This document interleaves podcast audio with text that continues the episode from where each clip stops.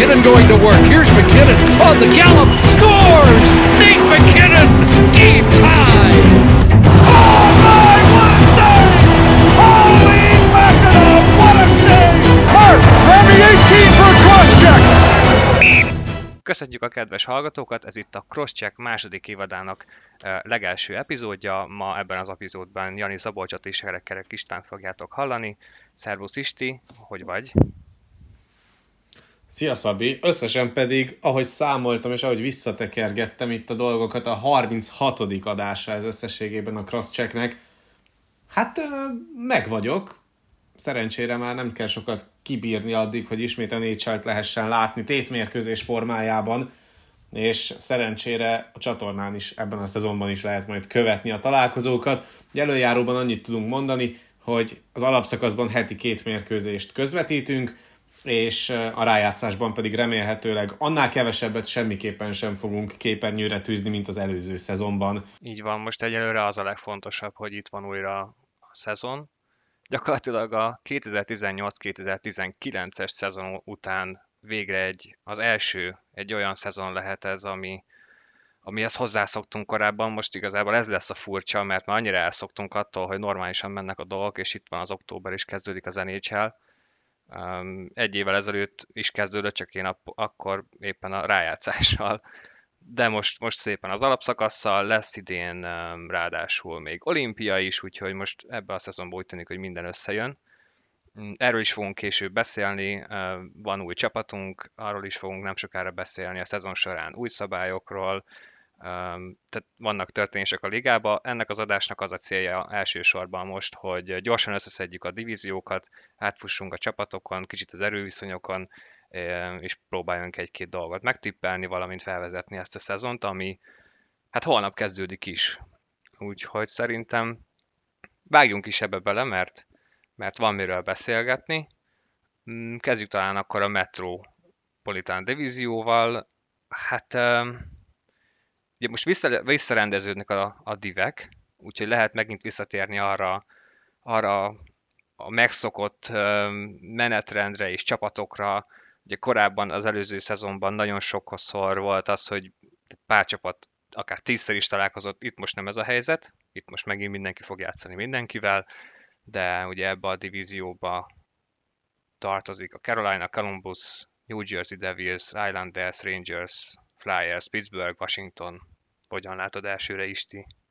Hát ugye amikor kezdjük a nagyobb képpel. Amikor összeraktuk itt a sorrendet, legalábbis amikor én összeraktam itt a négy divíziónak a sorrendjét, akkor háromnál elég egyértelmű volt a döntés, hogy melyik négy csapatot gondolom mondjuk annak, aki mondjuk harcban lehet a rájátszásban, és akár még főcsoport döntőig is juthat, vagy még talán azon túl is, de Egyedül itt a, a Metropolitan divízió az, ahol nem érzem feltétlenül előre leosztottak alapokat, mert nagyon közel vannak egymáshoz az élcsapatok, és a hátrébb együttesek is sokkal jobban mutatnak, mint mondjuk tették azt egy évvel korábban. Voltak nagy tisztogatások, voltak nagy keretátalakítások, illetve van egy csapatunk, amelyiknek most még szűkebbre zárult az a bajnoki ablak, amit már így is a tavalyi szezonban a liga legidősebb keretével megpróbált volna kihasználni, ugye a Washington Capitalsről beszélünk, ott a keret még idősebb lett, érdemi változás egyébként nem történt a Capitalsnél, úgyhogy nekik a legnagyobb ellenfelük egyébként ebben a szezonban az idő lesz, a többiek pedig majd meglátjuk, hogy mire lesznek képesek. Szerintem ez lesz nem csak a legerősebb divízió, hanem a legszorosabb is, és itt a szezon végén, illetve az alapszakasz végén szerintem lesz hiányérzetünk azzal kapcsolatban, hogy amelyik csapat lemarad a playoffról, az nagyon sokat veszíthet. És nem biztos, hogy meg fogja érdemelni, hogy a végén lemarad a playoffról. Mert annyira együtt van ugye a mezőny itt. Lehet, hogy egymás után két évben megtörténik a rangers mert egyébként ezen én is gondolkodtam, és hát nehéz volt összeírni a sorrendet legalábbis azt a négy csapatot, amelyik én arról azt gondolom, hogy biztosan be fog jutni. Egyszerűen nem tudtam a negyedik helyre egy csapatot berakni, hármat raktam jelenleg, Pittsburgh, Philadelphia és a Rangers. De ugye a Rangers volt a tavalyi szezonban talán hosszú idő után az első olyan csapat, amelyik a legtöbb ponttal esett, tehát nem jutott rájátszásba, nagyon szépen zárták a szezont, de lehet, hogy ez lesz velük idén is, mert nem érzem azt, hogy annyit erősödtek volna. A divízió viszont, tehát azért itt van ismét egy Carolina, ott van egy majdnem döntős Islanders. A Washington említetted, hogy öregszik, de, de én még mindig odaraktam őket a rájátszásra, mert van annyira erős csapat, hogy meg tudják oldani ezt a hosszú szezont. És közben, ahogy mondtad, bizony, tehát a gyengébbnek vélt csapatok, például a Devils is erősödött. Egyedüli mm, eleme ennek a divíziónak szerintem a Columbus, akik egyértelműen gyengébbek lettek, de hát ők most egy másik útvonalat választottak, szerintem, szerintem abszolút elindultak a, hát nem tudom, hanyadik újjáépítés felé. Hát jó kérdés, hogy egyébként a Columbus majd melyik utat fogja választani, hogy elkezde tankolni, vagy esetleg ebben a divízióban megpróbál érvényesülni. Nyilván ugye itt most, hogyha valaki ebben a divízióban egy gyenge csapat, az nem jelenti azt, hogy, sokkal, hogy nagyon-nagyon kevés győzelmet fog szerezni, mert ugye játszik majd a többi divíziónak a gyengébb csapatával, és hogyha szétnézünk majd a többi csoportban, akkor láthatjuk, hogy gyenge csapatból azért összességében akad, csak egyszerűen ez a Metropolitan divízió, ez úgy jött ki, hogy itt viszont csupa erős csapat lesz majd a Columbus ellenfele, vagy éppen felfelé ívelő csapat, illetve ott van a Philadelphia Flyers, amely hát szerintem továbbra is a senki földjén mozog. Tehát, hogy tőlük lehet a legkevésbé várni bármit, mert annyira szélsőséges volt az előző szezonban is a csapatjátéka.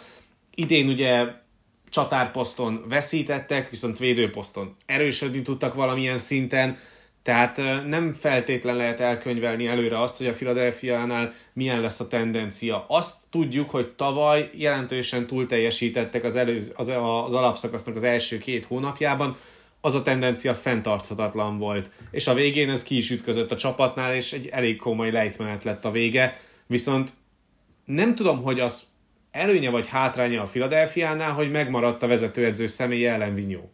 Hát én a Flyers alapból nem tudom szinte sohasem sehova se rakni, mert például a tavalyi szezonban akkor biztos voltam bennük, hogy ugye az, az előtti rájátszásban azért jó, jó teljesítményt nyújtottak, és azt gondoltam, hogy azt a divíziót be fogják húzni.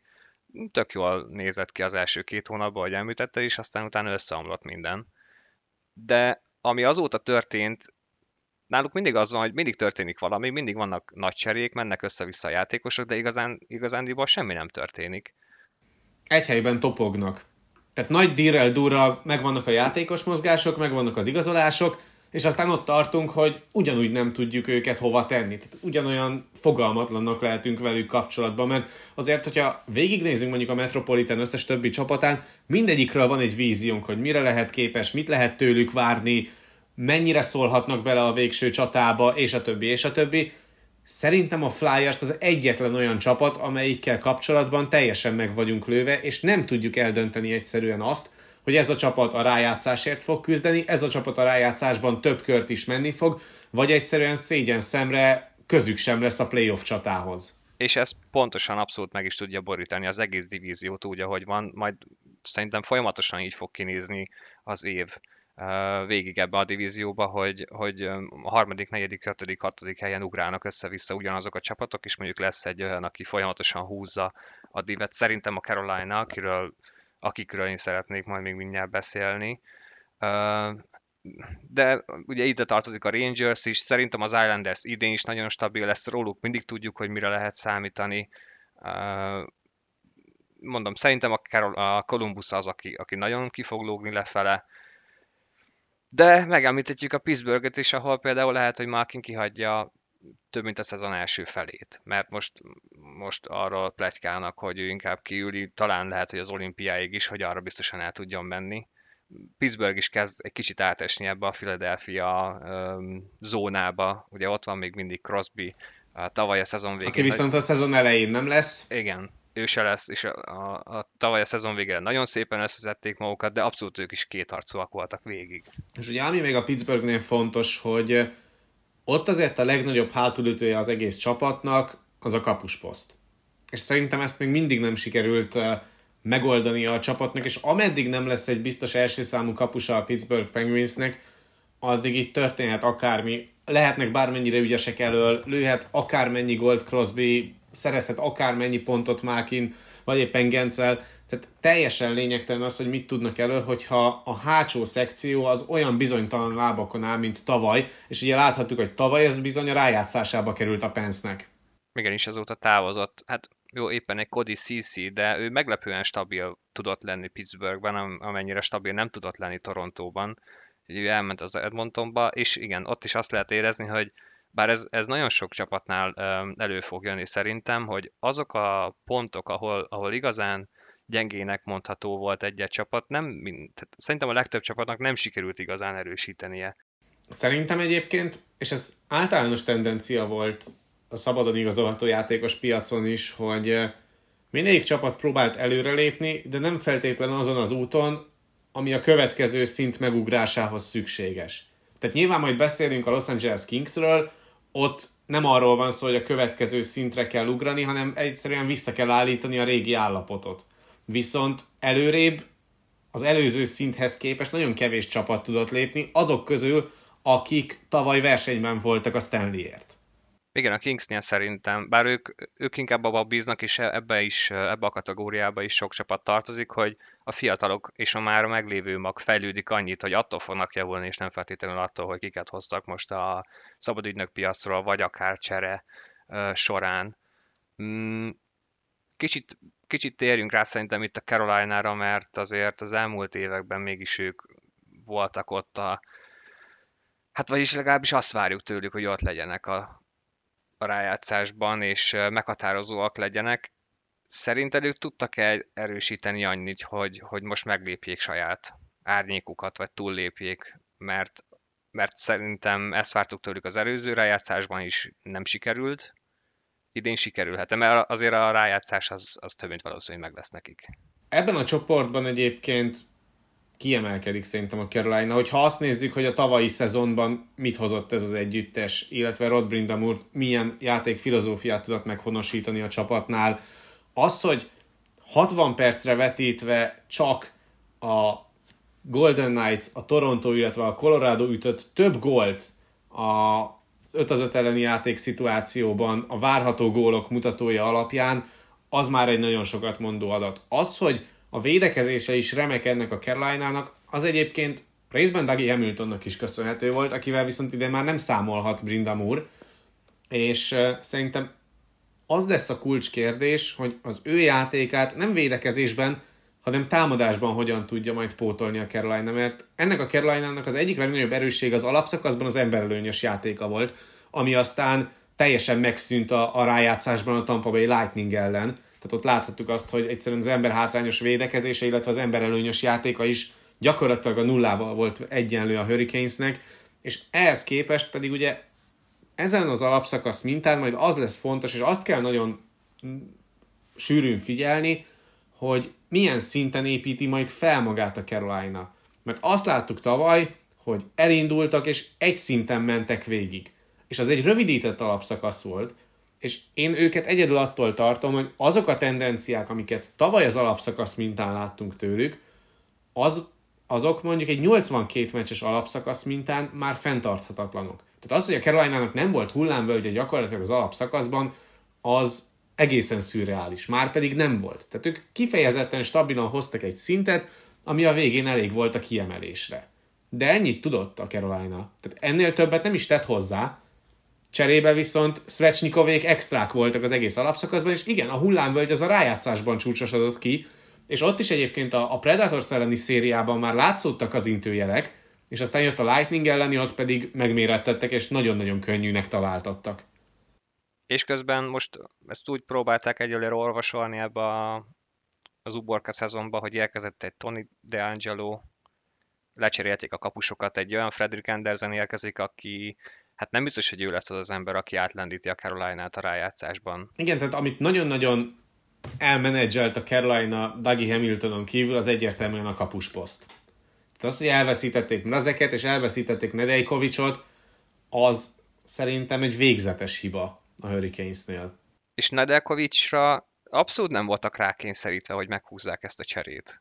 Engem ez lepett meg ebben, mert, mert a, arról beszéltünk a szezon vége felé, hogy, hogy a Carolina-nak óriási flexibilitása van, főleg így, hogy Hamilton-t is elveszítették. Tehát pénzügyileg barom jól állnak, tehetségben is. Na most elcserélték Nedeljkovicsot, hoztak helyette más, másik két kapust idősebbeket, akik szintén több mint 6 milliót nyomnak a plafon alatt, és egy offersítel Igen, és egyébként én ezt megértem, tehát ezt valamilyen szinten azért megértem, hogy a Carolina-nak abból a szempontból igaza van, hogy Nedejkovics tavaly a rájátszásban borzasztóan bizonytalan volt. És az a helyzet, hogy ez a Carolina bármilyen hirtelen, de megérkezett arra a szintre, hogy nekik a kupáért kell menni. És ilyen bizonytalan kapus teljesítmény mellett nem lehet a kupáért menni, amilyet hozott Nedejkovics, vagy éppen a másik kapus a, a teljes a rájátszásban. És ebből a szempontból én értem ezt a gondolkodást. Azt már kevésbé, hogy miért kellett mind a kettejüket elpasszolni, amikor Nedeljkovicsot még olcsón itt lehetett volna tartani erre a szezonra, és hozni mellé valami húzó nevet, és akkor ők ketten párban oldották volna meg a szituációt és az egész szezont.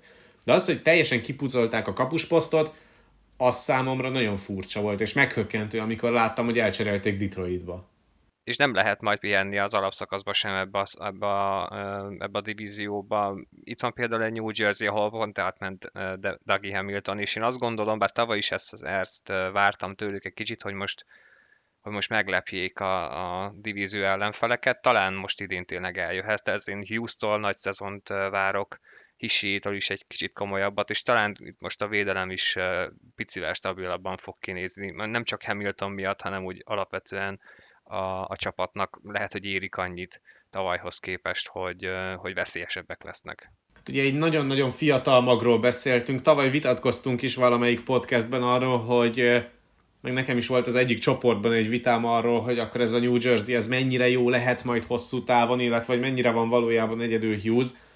Az biztos, hogy a New Jersey Devils játéka Hughes köré épül. Ezzel szerintem olyan hatalmas nagy dolgot nem mondtam. De fel fognak lépni idén azok az emberek, akiknek tavaly az lett volna a céljuk, hogy már fellépjenek. Ez még mindig egy nagyon-nagyon fiatal csapat.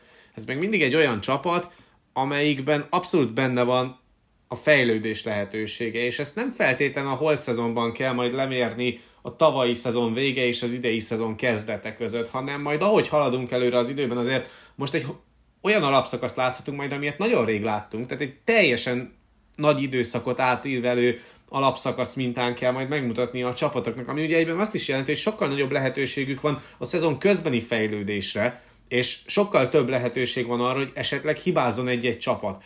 Ha a New Jersey Devils tudja kihasználni ezeket a lehetőségeket, és azt a teljes forgatókönyvet, amit ez a hosszú alapszakasz nyújt nekik, akkor szerintem egyébként, ha nem is mennek a rájátszásba, de közel lehetnek oda, persze szükséges mindenhez az, hogy a fiatalok, akiktől fejlődést várunk, fejlődjenek, illetve azok a játékosok, akik már eddig is magas szinten játszottak, azok hozzák a tavalyi szintet, és hozzájuk kelljen felnőni az újaknak. Ez nagyon nehéz lesz, és ebből a szempontból Dougie Hamilton érkezése pedig egy olyan mérce lesz majd a védőknél, amilyen mérce a támadóknál Hughes. Ugyanez, ugyanez a felvezetés igaz szerintem a Rangersre is. Hát most az Ibanejad szerződéshez szerinted el erről, vagy lesz ebből valami? Már most az utóbbi időben, mint hogyha azt lehetne olvasni, vagy ezek a plegykák terjengenek, hogy a Buffalo már több csapat orvosi stábjával is egyeztetett, hogy a, amennyiben ők um, beleegyeznek abba a műtétbe, amit el kell szeretne, hogy a Buffalo nem fog, akkor még akár a következő hetekben megszülethet ez a csere. Hát ugye az a kérdés, hogy melyik csapat tud elég eszetet adni a Buffalo-nak ahhoz, hogy megérje Eichelt odaadni. Márpedig ugye a Golden Knights-ot nagyon sokáig mondták, de a Golden Knights nem volt hajlandó odaadni olyan játékosokat, akik a Sabresnek mindenképpen kellettek volna. Aztán jött a Rangers, és szerintem egyébként sokáig mindenki úgy számolt ezzel a cserével, hogy ha megy valahova, akkor az a Rangers lesz. Ott hiányposztra érkezne, rögtön franchise játékos lehetne, hiába, hogy Zibanezsát megkapta a nagy szerződést, hiába, hogy Foxot is hamarosan ki kell majd tömni a nagy pénzzel, de azért ez még mindig egy olyan csapat, ahol, ahol van lehetőség franchise játékosként megérkezni, és rögtön azért állni a sorban. És akkor a Rangers az egyik olyan csapata ennek a listának, akik szóba kerülhetnek, mint kérők, akik egyébként harcban lehetnek a rájátszásért, már Eichel nélkül is, a rájátszásban pedig sokat profitálhattak abból, hogyha van egy Eichelük. A többi csapatot, ha megnézed, akik még szóba kerültek, az az Anaheim Ducks, akikről olyan szinten nem beszélt senki az egész csere kapcsán, hogy hihetetlen, és mégiscsak feljöttek, mint, mint második lehetőség. Ott van a Los Angeles Kings, amely szerintem nem fogja megbolygatni a szépen, szisztematikusan felépített újraépítkezését csak Eichel miatt, illetve ott van a Minnesota Wild, akik nem tudom, hogy honnan szereznének pénzt Jack Eichelre. Igen, nagyon sokáig az volt, hogy, hogy a Minnesota lehet, aztán mindenkit meglepett egy két telefonhívással Geren, amikor kivásároltak Price visszatört, és ott szerintem ott ez így meg is szűnt ez az opció. Persze mindig lehet matekozni, és mindig lehet eltüntetni egy pár millió dollárt, de most a Minnesota Wild-nak, nem is tudom, 2025-26-ig kell brutális mennyiségű dead cap-et hordoznia, úgy azért elég nehéz. Az Anaheim az, az logikus opció lehet még, de, de az egy másik divízió, még erre visszatérhetünk később. Igen, de szerintem a Rangersnek ahhoz, hogy playoff csapat legyen, nincsen szüksége Eikerre. Ahhoz, hogy nagy menő legyen egy rájátszásban, ahhoz viszont meg lehet, hogy nem pont Eikerre lenne szüksége. Tehát szerintem, hogyha Eikert megszerzik, akkor én azért tartanék tőlük, mert két szék között eshetnek a pad alá, és azért az túl nagy rizikó, mert hogyha Eichel nem egészséges, vagy megint megsérül, akkor onnantól kezdve az a teljes projekt bukik. És szerintem ez a Rangers projekt sokkal jobb annál, mint hogy egy játékos egészségi állapotára felhúzd az egészet, és eljátszott ruletten gyakorlatilag. Igen, és 10 millió dollár kerül hirtelenbe a plafon alá, az meg nem mindegy. Úgyhogy Zibanezsádot is azért alapvetően kitömik. Hát az biztos, igen. Ez, hát a szerződés hossza szerintem, ami itt probléma lehet. Az, hogy fogja tudni nagyjából ezt a teljesítményt hozni mondjuk két-három évig, az reális lehet, főleg Panarinnal, meg, meg szép, jó fiatalok vannak itt, lesz, lesz játszótársa. Kákó is nagyon jól megy. Tehát Kákónak a védekezése a tavalyi szezonban szintet lépett, és, és Lafreniertől is sokkal többet lehet várni, mert most már úgy tűnik, hogy megvan a helye ebben a csapatban, amit tavaly nagyon sokáig nem találtak nála, és ugye nagyon érdekes lesz, hogy mit fog majd kihozni ebből a garnitúrából az új vezetőedző, és én ezért várom nagyon a Rangersnek a szezonját, mert ahol Gerard Gallant dolgozott, ott mindig jó dolgok születtek, akár rövid távon, akár hosszú távon. Az más kérdés, hogy általában más tudja learatni ezeknek a gyümölcsét és a babérokat, de egyébként Gallant egy olyan edző, aki képes lehet arra, hogy ezt a Rangers-t stabilan jó csapattá tegye ebből a jó keretből, mert egyébként ennek a Rangersnek egy jó kerete van. Én, én odaírtam őket a negyedik helyre, így a pervonalak közé, négy csapat közé, tehát nem lennék meglepve, hogyha odaérnének, ahol igazából tavaly is majdnem sikerült, úgyhogy abszolút igazad van. Egy gyors sorrend, nekem úgy van, hogy Carolina, Washington, Islanders, és akkor Pittsburgh, Philadelphia, New York Rangers a negyedik helyre. Hát jó, de akkor azért egyet mondjál már a negyedikre. jó, akkor legyen a Pittsburgh, de csak Crosby miatt. Jó. Aki az elején hiányzik. Igen. Az első kettő hónapban talán, vagy most nem tudom, hogy most éppen hogyan próbálják a, a visszatérését prognosztizálni. Hát, meg ez, ez mindig ez mindig kérdő. Nyilván azon is múlik majd, hogy a csapat hogy kezdi a szezont, mert ha mondjuk kezdenek 8 vereséggel és kettő győzelemmel, akkor lehet, hogy egy kicsit meg fogják sürgetni Crosbyt az orvosi szobában és a rehabbal. Nem tudom. Én ezt a Pittsburghet egyébként a vonal környékére teszem, de nálam az Islanders nyeri a csoportot.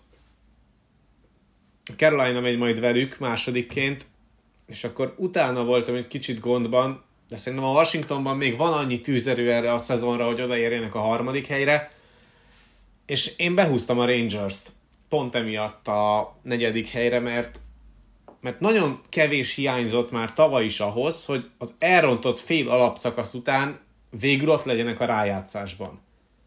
És most van egy holt szezonjuk, volt egy rendes felkészülési időszakuk összerakni a sorokat és a játékstílust, amit szeretne Galant megvalósítani a csapatnál, és ez a Rangers ez egy jó csapat. Ez a Rangers tavaly is jó csapat volt, most kaptak egy jó edzőt is a játékosok mellé, úgyhogy szerintem örülhetnek a New Yorkiak, mert lesz két nagyon jó New Yorki csapatunk, és ez a két New Yorki csapat rengetegszer fog majd találkozni idén egymással, és nagyon jók lesznek azok a városi derbik.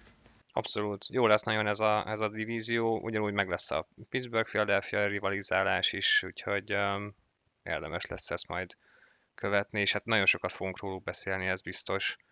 De evezzünk át szerintem egy kicsit az Atlantikba. Hát um, itt van egy Toronto, akiről már nagyon régóta várják, hogy csináljanak akár. Azt hittem a Buffalo-ra fogsz kötni, mert hogy róluk úgyis annyit beszéltünk Eichel kapcsán, hogy így nagyjából őket el is lehet felejteni ebben a szegmensben, mert minden értékes dolg, gondolatot megfogalmaztunk róluk. De hát akkor őket ők szerintem ennek a csoportnak a Kolumbusza, vagy talán még annál is lejjebb hát helyezkednek. Picivel talán lejjebb, igen. És pont ez az érdekes, szerintem, szerintem most eljöhet az ebbe a divízióba, amellett, hogy van egy, hát egy kétszeres bajnok Tampa, és lehet, hogy rámennek a three van itt egy egyre erősödő, és úgy tűnik, hogy kitörni látszó Florida, van itt még mindig egy nagyon jó Boston, van itt egy tavalyi döntős Montreal, és, és ebbe a divízióba lehet szerintem lassan az Ottawa mondjuk olyasmi, mint az előzőben a Devils, hogy, hogy azért úgy meg tudják majd szerintem lepni az embert, főleg, hogyha aláíratják Kecsakot végre. Hát ott most megy a húzavona még mindig, hogy akkor most mi legyen kecsák sorsa. Igen, ráadásul úgy, hogy a bátyót sem sikerült még aláíratni, rossz nyelvek szerint mennek mind a ketten St. Louisba. nem lenne óriási egy meglepetés, de szerintem alá fognak írni mind a ketten. Lehet, hogy nem hosszú távra, de meg lesz az a szerződés. Pedig egyébként az Ottaváért pont kár lenne, mert hogyha tavaly visszaemlékszel arra az adásra, amikor a feltörekvő, újra, újraépítkező csapatokról beszéltünk, akkor a legmagasabbra azok közül az Ottavát tettük. Tehát a legszebb jövőt azt mégis az Ottavának vizionáltuk, rövid és hosszú távon egyaránt. Hiba lenne szerintem, hogyha ha pont az újra, újraépítkezésnek az alapkövét így elkútja vetyélnék. Már pedig ugye ameddig kecsekot nem tudják magukhoz láncolni, addig ennek a veszélye az folyamatosan ott van. Én hasonló helyzetben vagyok a Detroittal is, talán egy kicsit alacsonyabb polcra kell helyezni őket, mint az Ottavát, ott a Buffalo és az Ottawa között valahol félúton ott van a Red Wings. Szerintem tőlük idén nem kell sok mindent várni. Kell, tehát kellenek azok a játék szituációk, és kellenek azok a motivumok a játékukban, amire lehet építkezni, ami miatt egy picit tudnának zárkózni mondjuk az Ottavára. Tehát szerintem idén egyébként a Detroitnak az lesz az igazi fokmérője, hogy az Ottavával hogyan tudják tartani a tempót. Ha az Ottavát meg tudják előzni a végelszámolásnál, akkor ez már egy sikeres szezon lehet. Sőt, szerintem akkor már erőn felül is teljesít a Detroit. Főleg úgy, hogy egyébként meglettek támogatva egy elég jó kapussal, tehát azért Nedejkovicsról ne úgy beszéljünk, hogy őt kiebrudalták úgymond a Caroline-tól. Tehát a Nedejkovics elengedése a Caroline-nak az egyik legnagyobb hibája volt a teljes holt szezonban. A Detroit pedig köszönte szépen és megszerezte őt. És hát nagyon érdekes lesz az, hogy a legnagyobb probléma tavaly a Detroit-tal az mi volt? Az, hogy alig alakítottak ki helyzetet. Tehát 5 az 5 ellen a várható gól mutatójuk kettő alatt volt 60 percre vetítve. Hát meg nem is akartak. Nem is akartak. Igen, az egy nem másik nagyon. kérdés. Úgyhogy szerintem itt a legnagyobb a Detroitnak az lesz a fontos, hogy, hogy tartsa valahogy a lépést, próbáljon pozitív tendenciákat kialakítani a csapatnál, és próbálja meg úgy összerakni a játékát, hogy legalább ember hátrányban ne kelljen annyit szenvednie, mint mondjuk az előző szezonban, és ne az legyen, hogy a Detroit mindenkihez próbál alkalmazkodni, mert hogyha belegondolsz tavaly, mit csinált a Detroit, volt egy alapjátéka, és mindig az adott ellenfélhez olyan szinten próbált alkalmazkodni, hogy a saját komfortzónája semmilyen szinten sem volt meg. Tehát nyilván mindegyik ellenfél alkalmazkodik vagy mindegyik csapat alkalmazkodik az ellenfeléhez. Anélkül nem lehet ilyet játszani, ha csak nem vagy Colorado Avalanche. De azon kívül pedig azért mindegyik csapat próbál a saját komfortzónájában is maradni a lehetőségekhez képest. Na, a Detroit Red Wings ezt egyáltalán nem csinálta. Tehát a Detroit Red Wings az néhány mérkőzésen, akár a Tampa ellen, akár a Carolina ellen, nem érdekelte őket egyszerűen az, hogy mi van, ők ha kellett, akkor elkezdtek ész nélkül korcsajázni, bírták 5 percig, aztán kaptak 5 gólt 3 perc alatt. Tehát, hogy semmilyen szinten sem próbáltak racionálisan alkalmazkodni az ellenfélhez, hanem egyből kiléptek a komfortzónájukba, és abban végigjátszották a meccset. Nyilván előre el lehetett könyvelni, hogy ennek a Detroitnak pocsék szezonja lesz emiatt.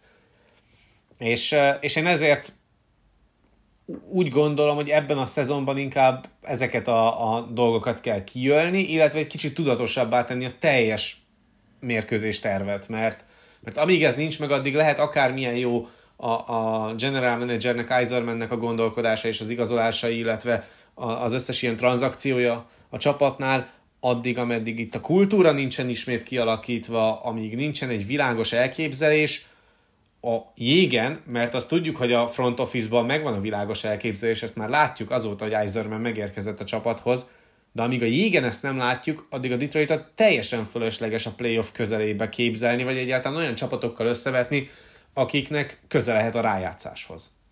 Ha igen, és itt a, itt a Detroit esetében tényleg a kultúra szerintem a legfontosabb, amit mondtál, valamint az, hogy ugye az elmúlt években azért sokkal könnyebben ment az, hogy, hogy nem nagyon kellnek azok az eredmények. Lehetett forgatni mindenféle olyan játékost, akiről tudtuk, hogy nem lesznek alapkövei a következő években a Detroitnak. Viszont most, most pont ott vannak annak a határán, ahol már nagyon vigyázni kell szerintem, mert nem szabad bele esni abba a hibába, ami pár évvel ezelőtt az Edmontonnál történt, még uh, meg David előtt, hogy bedobáljuk a fiatalokat, és az ő lelkük sérül azzal, hogy folyamatosan tehát egy vesztes kultúrába születnek, és, és abban lesznek NHL játékosok. Tehát itt most már, itt most már gondolni kell a fiatalokra. Most nem tudom, hogy Raymondnak mi a helyzete, de talán az van, hogy be fog kerülni a csapatba. Nem feltétlenül értek ezzel egyet, pontosan emiatt. Mert egy brutálisan erős divízióba kell ezeknek a fiataloknak majd, hát nem húzni a Detroitot, azt nem lehet elvárni, de azért mégis fejlődniük. Ugye itt most már ott lesz Zyder is, valószínűleg Raymond is, egy Zadina, Larkin már 25 éves kapitányként kell vinni ezt a csapatot, szóval ezt az egyensúlyt meg kell találni, hogy nem lesz egy eredményes csapat még a Detroit, de ahhoz se szokjanak hozzá a fiatalok, hogy hát igen, a divízió végén vagyunk. Igen, és ezért itt Larkint abból a szempontból lehet félteni, hogy még egy vagy kettő ilyen szezon után szerintem ő úgy dobná vonat alá az egészet, ahogyan nem szégyelli, és teljesen elveszíti mindenféle motivációján. És hogyha tényleg Larkint is elveszíti a Detroit, illetve hogyha Larkint elveszíti a Detroit, akkor az pedig egy olyan szintű kivándorlást indíthat meg a csapatnál, amit már nem tud visszafordítani egy Steve Eiserman sem. Igen, tehát neki lehet, hogy nehéz lesz megmagyarázni azt, hogy figyelj, ez itt egy hosszú projekt. Akárhogy is. Úgyhogy már egy hosszú már projektben van benne elég régóta. Hát a kapitánysággal megpróbálják szerintem itt tartani, meg, meg azért ebbe a két évben még tud annyit fejlődni a Detroit, hogy mondjuk pont arra a szezonra, ahol már alá kell iratnia és szabad ügynök lesz, maradásra bírják. De hát ez egy hosszú, hosszú történet. Ahol viszont egyébként megoldották a kapitány kérdését hosszú távra, az a Florida Panthers. Így van. Ahol ugye Barkovat tömték ki 8 évre 10 millió dollárral, összesen 80 millió dolláros szerződést kapott így a tavalyi Szelki győztes.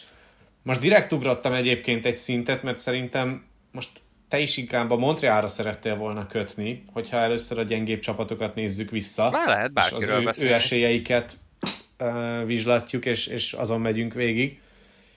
De szerintem a Florida az ugyanolyan szinten fog meglepetést okozni ebben a divízióban, mint amennyire meglepetést okozhat a Carolina. Tehát senki nem fog meglepődni azon, hogyha ez a Florida ott lesz a, a második, harmadik hely környékén, vagy hogyha egyáltalán ott lesz a, a legjobbak között, az első helyért fog küzdeni. Én el tudom képzelni, hogy megnyerik. Én idén nagyon félek a Floridától, pontosan azért, mert ahogy, ahogy lezárták a, a tavalyi szezont, és ahogy pörögtek, igaz, egy másik divízióba, de hát ott is ott volt um, azok az ellenfelek, akik... És az egész szezonban arról beszéltünk, hogy, hogy most eljöhetett tényleg a Floridának az, hogy, hogy valóban kitörtek, mert hát évek óta várjuk már ezt tőlük, mert, mert a fiatalok ott voltak, de most látjuk azt, hogy valóban tényezők lehetnek, és idén szerintem abszolút. Főleg, hogyha Egblad szépen visszatér és egészséges marad, ott van egy Bobrovski mellett egy Spencer Knight, akitől én, én nagyon sokat várok, meg úgy az egész csapatnak úgy tűnik most, hogy, hogy tényleg összeállt és nagyon erős lehet, még ebben az erős divízióban is. Én nem lennék meglepve, hogyha, hogyha behúznák ezt a divíziót, de alapesetben egy nagyon stabil harmadik helyet mondanék. És akkor beszéljünk a Montrealról, illetve a Bostonról szerintem egy kalap alatt lehet megejteni ezt a két csapatot, mert, mert a Bostonnal is ugyanaz a problémánk szerintem, mint a Pittsburgh-el, hogy jók-jók, de már idősek, nincsen meg feltétlenül a tűzerő, nagyon egy sorra koncentrálódik a teljes csapatnak a sikeressége, és hát tényleg ezt a Boston se lehet hova tudni tenni. Tehát, hogy oké, okay, persze bejut a rájátszásba, oké, okay, és akkor ott mi lesz? Mert szerintem a Bostonnak az a legnagyobb problémája, hogy a rájátszásra viszont már vékony ez a csapat. És nem vagyok arról meggyőződve, hogy egy 82 meccses alapszakaszra nem rövide. Igen, pontosan ezen gondolkodtam én is, hogy ez, ez most már egyre véknyabb ez a jég. Mert itt tartottuk Taylor Holt, el lehet mondani, akkor megjött Folino, aki a Toronto is azt hitte, hogy most megváltja a világot, és nagyon jó igazolásnak tűnt, csak lehet, hogy most már nem tud igazán egészséges maradni. Kétszer sérült meg úgy, hogy igazából azt se láttad, hogy mi történt még az amazonos uh, Szíriában sem, ahol, ahol az öltözőben mutatták a játékosokat. Egyébként szerintem nagyon jól sikerült az a sorozat a Torontóról. De az a lényeg, hogy, hogy most már tényleg kezd öreg lenni ez a csapat. Bergeron oké, hogy 36 éves, valószínű baromi stabil szezonja lesz ugyanúgy, de, Igen, de ugye továbbra is jön a kérdés, is. Jön a kérdés, hogy egyáltalán mit tudsz összehozni ezzel a sorral, mert ezt a sort nem lehet majd annyi ideig a égen tartani, mint ahogy mondjuk az előző szezonban. Nem lehet olyan szinten kisajtolni őket az alapszakaszban, mert akkor teljes gatyák lesznek a rájátszásra. Tehát itt azért most a vezetőedzőknek is egészen másképp kell gondolkodni az emberkezeléssel és a, a load management hogy, hogy hogyan rotálják a csapatot, hogyan fognak majd úgy megérkezni egy-egy ilyen idegenbeli túrára, hogy akkor ott hogyan lesz elosztva a, a, játékperc a legjobbak között. Egyáltalán elutaznak-e mondjuk a já, legjobb játékosok egy olyan túrára, amit mondjuk egy Buffalo, Detroit, Montreal túra jelentene. Tehát mondjuk csak most hasraütésre mondtam, hogy maradjunk ennél a csoportnál, vagy egy Buffalo, Detroit, Ottawa, hogy akkor a három leggyengébbnek vélt csapatról beszéljünk. Ide mondjuk el, elutaztatod-e a legjobbakat, elutaztatod-e azt a Bergeront, aki még mindig egyértelműen a liga egyik legjobban védekező csatára, de mégis ott tartunk, hogy már neki is kifelé áll a rúdja az egész ligából, és láttunk itt óriási karrier meg hosszabbításokat, meg hogyha szétnézünk az összes többi ligában, azt látjuk, hogy 40 fölött is vígan játszanak még mindig emberek hihetetlen magas szinten, de nem tudom feltétlenül azt, hogy hokiban azon a poszton és abban a szerepkörben, ahol Bergeron játszik, ez megvalósítható-e, és hogyha nem megvalósítható, de mondjuk ott van, akkor a Boston nagyon könnyedén tud beszakadni a jég alá. A világ legjobb sorát nem viheted ugyanazon a szinten 37-38 évesen is. Tehát biztos, hogy uh, én el tudom képzelni Bergeronról azt is, ahogy mondtál, hogy 41 éves koráig játszik, de, de az a harmadik sor egy, uh, egy ember hátrányos specialista. És tehát azt, arra nem lehet építeni Bostonba, hogy ez a zseniális sor, ez valóban meg is marad még, de az sem biztos, hogy idén is. Nem vagyok benne biztos, hogy nem fog bezuhanni Bergeronnak a, az offenzív teljesítménye. Szóval, mivel Bostonról beszélünk, én ezért nem merem ezt kimondani, mert már rengetegszer sérült a lelkem miattuk, és amióta vagyok, ők egy nagyon jó csapat, megfigyelem az nhl de most, most tényleg azt érzem, hogy hogy itt lehet egy, egy, egy komolyabb visszaesés is. És ugye teszik mindezt úgy, hogy alapvetően nem tudták kiküszöbölni azokat a problémákat a holt szezonban, amikre mondjuk ráment ugye a tavalyi rájátszásuk. Tehát, hogy védekezésben ez a Boston nem lett jobb hátsó backfronton. Mert azért dolog, hogy a csatárok megtanultak védekezni, de a hátvédek viszont hát már kevésbé. És ugye tavaly is azt láttuk, hogy az volt a problémája a Bostonnak, hogy nem voltak jó védőik hátul, akik a védekezésben nagyon sokat tudtak volna hozzátenni, mondjuk leszámítva a két top hátvédet, tehát a, a harmadik, illetve második, harmadik hátvédpárok, azok már nem tudtak olyan szinten hozzátenni a csapat védekezéséhez, ahogyan azt mondjuk el lehetett volna tőlük várni, és ráadásul még rettentő, rettenetesen kevesen is voltak hozzá. És az elmúlt tíz évben bármikor voltak hullámvölgyben, akár uh, sérülések miatt, akár csak valamiért nem ment az első sornak, vagy, vagy bármi volt, a kapus megmentette őket mindig. És idén lehet, hogy ez se lesz. Sőt. Szóval Szerintem be fognak jutni a rájátszásba, de igen, hogy ott mi lesz, az hát nagyon sok mindentől függ. Az a legfontosabb egyébként, már csak amiatt is, mert hogy a húzó emberek nagy része már tényleg idős, hogy a sérülések mennyire tudják elkerülni ezt a, ezt a csapatot. És akkor szerintem kanyarodjunk rá először még a Montrealra, hiszen ott is azért vannak olyan dolgok, amikkel nem lehetett számolni előre. Például szerintem azzal sem számolt kellőképpen a Montreal, hogy el fogja veszíteni Danót, de az valamilyen szinten benne volt a pakliban. Arra talán még kevésbé számíthatott, hogy elveszíti Kotkaniémit. Hát az, igen, főleg úgy, hogy egy 80 dolláros, hány dollár volt a signing bónusz? Valami ilyen nevetséges, ilyen fricska volt igazából. Igen, tehát ugye pont annyi volt, pont annyival volt több, amennyivel ugye Aho fölé próbált ígérni a, a Montreal. Ja, igen. Amúgy az zseniális volt. Bár nem vagyok benne biztos, tehát viccesnek vicces, meg, meg oké, okay, kell ez a ligába, hogy legyen egy ilyen.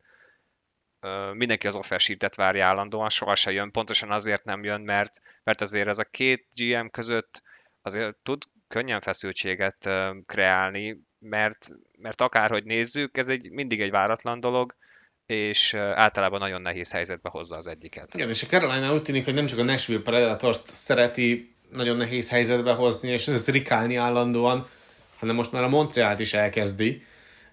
De hogy a Montrealnak szerintem a legnagyobb problémája egyébként mégiscsak az, hogy Kerry Price nincs. Na ez volt az igazán nagy meglepetés, bár um, talán ő sérült is volt, tehát nem feltétlenül kezdte volna el a szezont, ha jól emlékszem.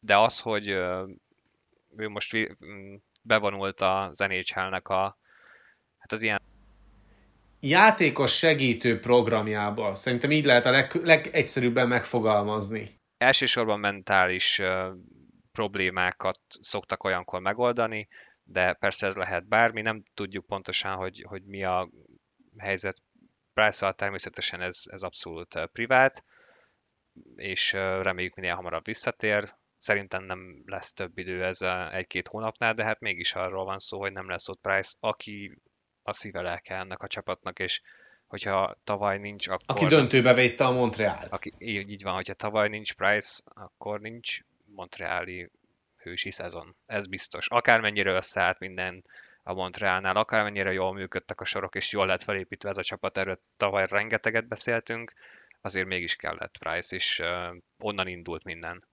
De hogy idén mi lesz, mert, mert, mert megint, én megint azt tudom elmondani, amit tavaly elmondtam, aztán végül döntő lett a vége a Montrealnál, hogy nem látom azt, hogy ezek jó húzások lennének, Dövorákot kivéve. Azt szerintem egy jó csere, és ő egy fontos láncszeme lesz ennek a csapatnak. Hoffmant miért kellett Montrealba vinni, ezt nem tudom. Szerintem Hoffman bárhol felüti a fejét, ott katasztrófa lesz. Kézről kézre adják őt egyébként a csapatok hát már lassan évről évre. Tehát Hoffmannak semmi másból nem áll a karrierje, csak abból, hogy már megszokná az adott várost, és aztán elküldik onnan. És közben itt van, hogy most elvileg Druen is visszatér, akinek szintén... Druen visszatért, nem is akárhogyan, egészen kiváló előszezonja volt Druennek, úgyhogy eh, tőle egyébként sokat lehet várni. Egyébként neki, hogyha tényleg sikerült maga mögött tudni a problémát, ami ugye insomnia volt, meg szorongás, tehát ilyen, ilyen nagyon mentális problémái voltak neki is. Nyilván neki hatványozottan kellett megküzdeni azzal, hogy francia-kanadaiként játszik a Montrealban, és erről sokat beszéltünk annó közvetítések alatt is, illetve podcastben is, hogy, hogy az, hogy Druennek ilyen szerepet kellett volna betölteni a Montrealnál ebben a rettenetesen toxikus közegben, minden egyszerre szakadt rá, és ráadásul a csapatnak sem ment akkor, és ott tört meg valami Druenben. Most, ha minden igaz, és legalábbis a jelek azt mutatják, hogy igazak, hogy eh, sikerült mindent maga mögött tudnia, és elvileg mindennél korábbinál erősebb lelki állapotban és mentálisan mindennél korábbi állapotánál erősebben tud megérkezni az új szezonba. Ennek a Montrealnak egyébként nagyon nagy szüksége lenne Druenre, pont a két irányúsága miatt. Mert ahhoz a feladathoz még nem tudott felnőni úgy igazán, az első évét leszámítva, hogy akkor ő legyen a csapatnak a húzó embere a pontlistán. viszont a védekezése az jó volt. És ezért sajnálhatja mondjuk azt a Montreal, hogy tavaly a csúcsformában játszó Danu mellett nem tudott egy csúcsformában játszó Druennel is számolni. És szerintem idén a Montrealt azt tarthatja a víz fölött, hogy Druen hogyan játszik, mert Druennek két játékost is azonnal helyettesítenie kell. E, és akkor egy kicsit megint visszatérünk oda, hogy, hogy megint lehet, hogy nagyon sok minden rajta fog múlni. Reméljük nem kerül ugyanolyan állapotba, vagy akár a Montreali média, vagy a szurkolók miatt, vagy legalábbis sikerül ettől megvédeni, mert ez, ez nagyon fontos lenne Montrealban, hogy, hogy valóban ő, ő igazán értékes láncszeme legyen ennek a csapatnak, csak tehát itt most úgy néz ki a dolog, hogy kiesett az első számú franchise kapus, kiesett az első számú, hát most már nem feltétlenül franchise, de még mindig az egyik legjobb védője a Montrealnak Weber személyében. Nincs Danó, akire építették gyakorlatilag a támadó részlegnek az egész struktúráját, az, hogy van egy, van egy olyan sor, amelyik meg tud fogni bárkit. Há- három legfontosabb pozícióból mind a három eltűnt. Így, így ebbe a divízióba azért nagyon-nagyon nehéz lesz. De um, valahogy össze kell kapni ezt a gárdát, mert, mert az elvárás az most biztos, hogy megint nagyon nagy. És arra kíváncsi leszek. Szerinted nagy? Nincs ott az emberekben az, hogy ezzel a Montreallal kapcsolatban úgy kell számolni, hogy a tavalyi az volt egy jó kiugró szezon, és aztán most pedig a helyükre kerülnek a rájátszás közelébe talán. Mert nekem egy, mert szerintem egyébként a Montrealnak pontosan ugyanazzal kell megküzdenie majd ebben a szezonban, amivel tavaly a Dallasnak. Tehát, hogy jó-jó, oda kerültek az előző szezon nagy döntőjébe, de ott igazából csak epizód szereplők voltak, és a végén a helyükre kerültek. És aztán most egy ilyen vereség után kell megújulniuk, úgyhogy elveszítettek fontos játékosokat. Nem tudom, hogy a Montreal, és legyen bármilyen toxikus a sajtó, és legyenek bármilyen magasak az elvárások a Montrealnál, Kanadában, a városban. Szerintem úgy összességében a, a sajtó meg a szakírók nem várnak sokat ettől a Montrealtól, mert tavaly sem lehetett ettől a Montrealtól sokat várni, és valljuk meg őszintén, jottányit sem lett erősebb a tavalyi kerethez képest ez a Habs. Igen, csak az a baj, hogy még hogyha talán a média nem is fog annyira agresszívan fordulni a Montreal felé, a Montreal szurkolónak hiába mondod meg. Tehát ők, hogyha egy három ebben sora lenne a Montrealnak, ők akkor is kupát akarnak. Minden évben, ez ott erről szól minden, ezt nagyon nehéz kezelni. Szerintem lehet, tehát nem véletlen, hogy néha van egy-két olyan játékos, mint Druán, aki ezt nem bírja.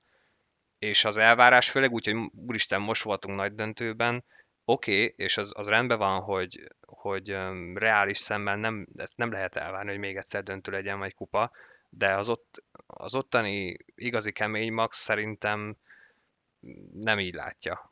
És igenis, legyünk ott még egyszer, hát a óriási élmény volt, és legyen ott még egyszer a full házzal, ne pedig az legyen, hogy nem is tudom mennyien voltak pár ezren csak. Igen, 5000-en voltak azt hiszem a végén, tehát hogy nagyjából annyian lehettek negyed házon. De egyébként volt ez szerintem félház is nem hivatalosan. Igen. Szóval ugyanaz a probléma Montrealban, mint Torontóban is mindig, és ott, ott megint megvan az elvárás. Kupa vagy kuka? Szezont illetően?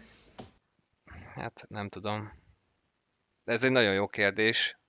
Dubász azt mondta, hogy igen. Ő magára vállal mindent, Senehent nem tudom, vagy hogy egyáltalán ott mi történik, hogyha, hogyha tehát tegyük fel, hogy megint kiesnek az első körbe, az nem, nem tudom. Mivel lehet még takarózni a Torontónak? Most hirtelen az jut eszembe, hogy igazából az meg is lepett, nem is gondolkodtam ezen, hogy Kiefnek konkrétan ez az első full szezonja. Ez az első training camp, ahol ő készíti fel a csapatot. És, na- és nagyon érdekes volt uh, látni, nem akartam megnézni egyébként ezt a sorozatot, nyilván ahogy uh, volt esélyem rá, letöltöttem és elindítottam, de, de nyáron úgy voltam vele, hogy nincs ez a pénz, hogy én ezt megnézzem. Ugye most a, az Amazon készített egy uh, öt részes sorozatot, még ezt akkor kezdték el felvenni alapszakaszba, végig ott voltak a kamerák, egész szezonban gyakorlatilag egy olyan szerződést írtak alá, hogy bárhol ott lehetnek, és bármit berakhatnak a, a felvételekbe, meg mindenbe. Um, tehát teljesen nyersanyag készült, és engem meglepett az, hogy Kiev mennyire nagyon hamar felismerte a problémát. Tehát úgy kezdett a Toronto, hogy, hogy szárnyalt, és folyamatosan nyerték a mérkőzéseket, és így láttad ki fenn, és el is mondta a játékosoknak, Dubásznak is elmondta, hogy srácok, itt valami nem jó. Tehát látszik az, hogy, hogy, hogyha van egy olyan csapat, és van egy-egy olyan meccs, van egy-egy olyan csere, amikor titeket igazán le akarnak védekezni, és ez a nagyon védekező hoki van, és csúnya gólokat kell lőni, és minél meg kell küzdeni, akkor nem megy. Tehát ő ezt látta az alapszakaszban. Volt egy meeting, ahol behívott mindenkit, és arról beszélgettek, és ott volt Torton, akiről így abban fél, perc, fél percben így leesett, hogy igazából miért nem nyert soha Stanley-t, és miért vették el tőle a, a, a kapitányságot, mert azt mondta, hogy de hát nyerjük a meccseket, csak Keith nem erről beszélt, hanem arról beszélt, hogy itt egy igazi rendszert kell kialakítani, és meg kell tanulni nyerni az a rájátszásba. Én ezért bízom most egy kicsit abba, hogy lehet, hogy az, hogy, hogy egész szezonban az ő keze alatt lesz az elejétől a végéig ez a csapat, mm, és egy kicsikét máshogy tudnak felkészülni, ez segített abba, hogy a saját démonjaikat ledőzik, mert itt más semmi másról nincs szó. Egyébként az a sorozatban is. És ugye azt is hozzá kell tenni, hogy az előző alapszakaszhoz képest azért ez az idei, ez hosszabb lesz, erről már beszéltünk, de hogy kevesebbszer is találkozó ugyanazon csapat ellen. Tehát, hogy nem tudsz olyan szinten specifikusan rámenni egy ellenfélre, mint az előző alapszakaszban. És ez egyébként majd talán szélsőségesebb eredményeket is szülhet majd. Még a jobb csapatok között is. Tehát például, hogyha egy Toronto tampát megnézel, én simán el tudom képzelni azt, hogy egyik mérkőzésen a Toronto nyer négyel, a másikon meg a Tampa üti túl a Leafs öttel. Ez valószínű így is lesz egyébként. Egyetlen egy probléma van, hogy, hogy a Tampa tudja, hogy hogyan kell megverni a Torontót a rájátszásba, és simán előfordulhat, hogy attól függetlenül, hogy ez egy hosszú szezon, és mások a divíziók, sokkal nehezebb első körre lesz a Torontónak, mint, mint tavaly volt és ezért is beszéltük azt, még emlékszem egy közvetítésnél, hogy ha most nem, akkor soha, és nem sikerült tavaly se. Igen, ugye a kanadai csapatoknak volt a nagy esélye az előző szezon, mert ott ugye egy kanadai csapat mindenképpen bejutott a legjobb négybe. Aztán, hogy hogyan sikerült sáfárkodni ezzel, azt már leboxolták egymás között, aztán végül az lett, hogy a két nagy ágyú rögtön búcsúzott az első körben. És hát akkor maradt a Winnipeg, illetve a Montreal, akiknek meg kellett volna menteni a hazabecsületét. És hát ez ebbe a divízióba ugyanez lesz. Már csak amiatt, mert, mert ez a, így néz ki a rájátszás, tehát ott van ez a négy csapat, bármelyik négy csapatot rakod osz, ott össze, az az első kör, az, az egy kisebb fajta főcsoport döntő. Tök mindegy, hogy milyen sorrendben. Most én beírtam, a, beírtam az első helyre Tampát, második Toronto, harmadik Florida, negyedik Boston. Tehát így néz neki egy első kör, így fog kinézni valószínűleg vagy egy nagyon hasonló lebontásba. Tehát van egy, van egy nagyon hosszú alapszakasz, amire felkészülsz, és utána egy rettentően nehéz ellenféllel kezdesz. Ez nem feltétlenül fel, én ezért szeretném egyébként, hogyha visszajönne ez az 1-8, 2-7, stb. leosztás, de nem tudom, hogy ilyet fogunk még látni bármikor. Hát tavaly ez minden esetre tetszett Batmanéknek, hogy divízión belül 1-4 és 2-3. Aztán majd meglátjuk, hogy ez hogy alakul a továbbiakban. Még egy kicsit beszéljünk a Lightningról, mert róluk csak most érintőlegesen beszéltünk. Felkér, felteszed a nyilvánvaló kérdést nekem, és válaszoljam meg én, vagy tegyem föl magamnak, és válaszoljam is meg?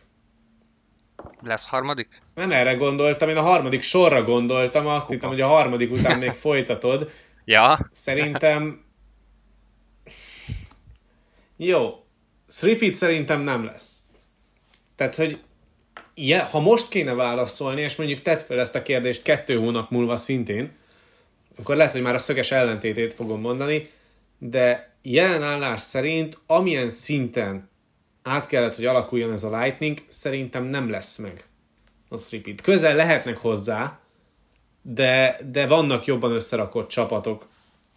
Nem sok, de az a kettő az ott lesz a végelszámolásnál. Szerintem legalábbis. És pont arra vezethető vissza, hogy ugye veszítettek egy teljes sort. Veszítették a, a, a legenergikusabb sorukat, a harmadik sort, a, a Coleman, Goodrow, Gord triót. És most ezt kell valahogy újraépíteni, és olyan szinten próbálja újra gondolni a sorokat John Cooper, hogy nem tudom, hogy ez hogy fog összeállni, és hogy fog kinézni egy egész alapszakasz távlatában. Tehát, hogy a tavaly jól működő Joseph Maroon Colton triót, azt teljesen szétszette három különböző sorba, és akkor Kilorn, Cirelli, Joseph van a másodikban, Stamkos, Colton és Corey Perry a harmadikban, és Merum Belmár és Redis pedig a, a negyedikben. Miközben egyébként az, ala, a, az előszezonban meg azt lehetett látni, hogy a két öreg, Perry és Marun a csapat legeredményesebb játékosa. És ugye Szavárd is kikerült, hogyha a védelemre térünk át, igen, akkor az ő helyére majd Bogozsen érkezhet, aki mondjuk pontosan ismeri a rendszert, meg mi egymást. Tehát, hogy szerintem védőfronton azért akkora visszaesés nem lesz. Én azt nem látom, hogy ez hogy fog kinézni tétmérkőzésen, hogy ez hogy fog összeállni.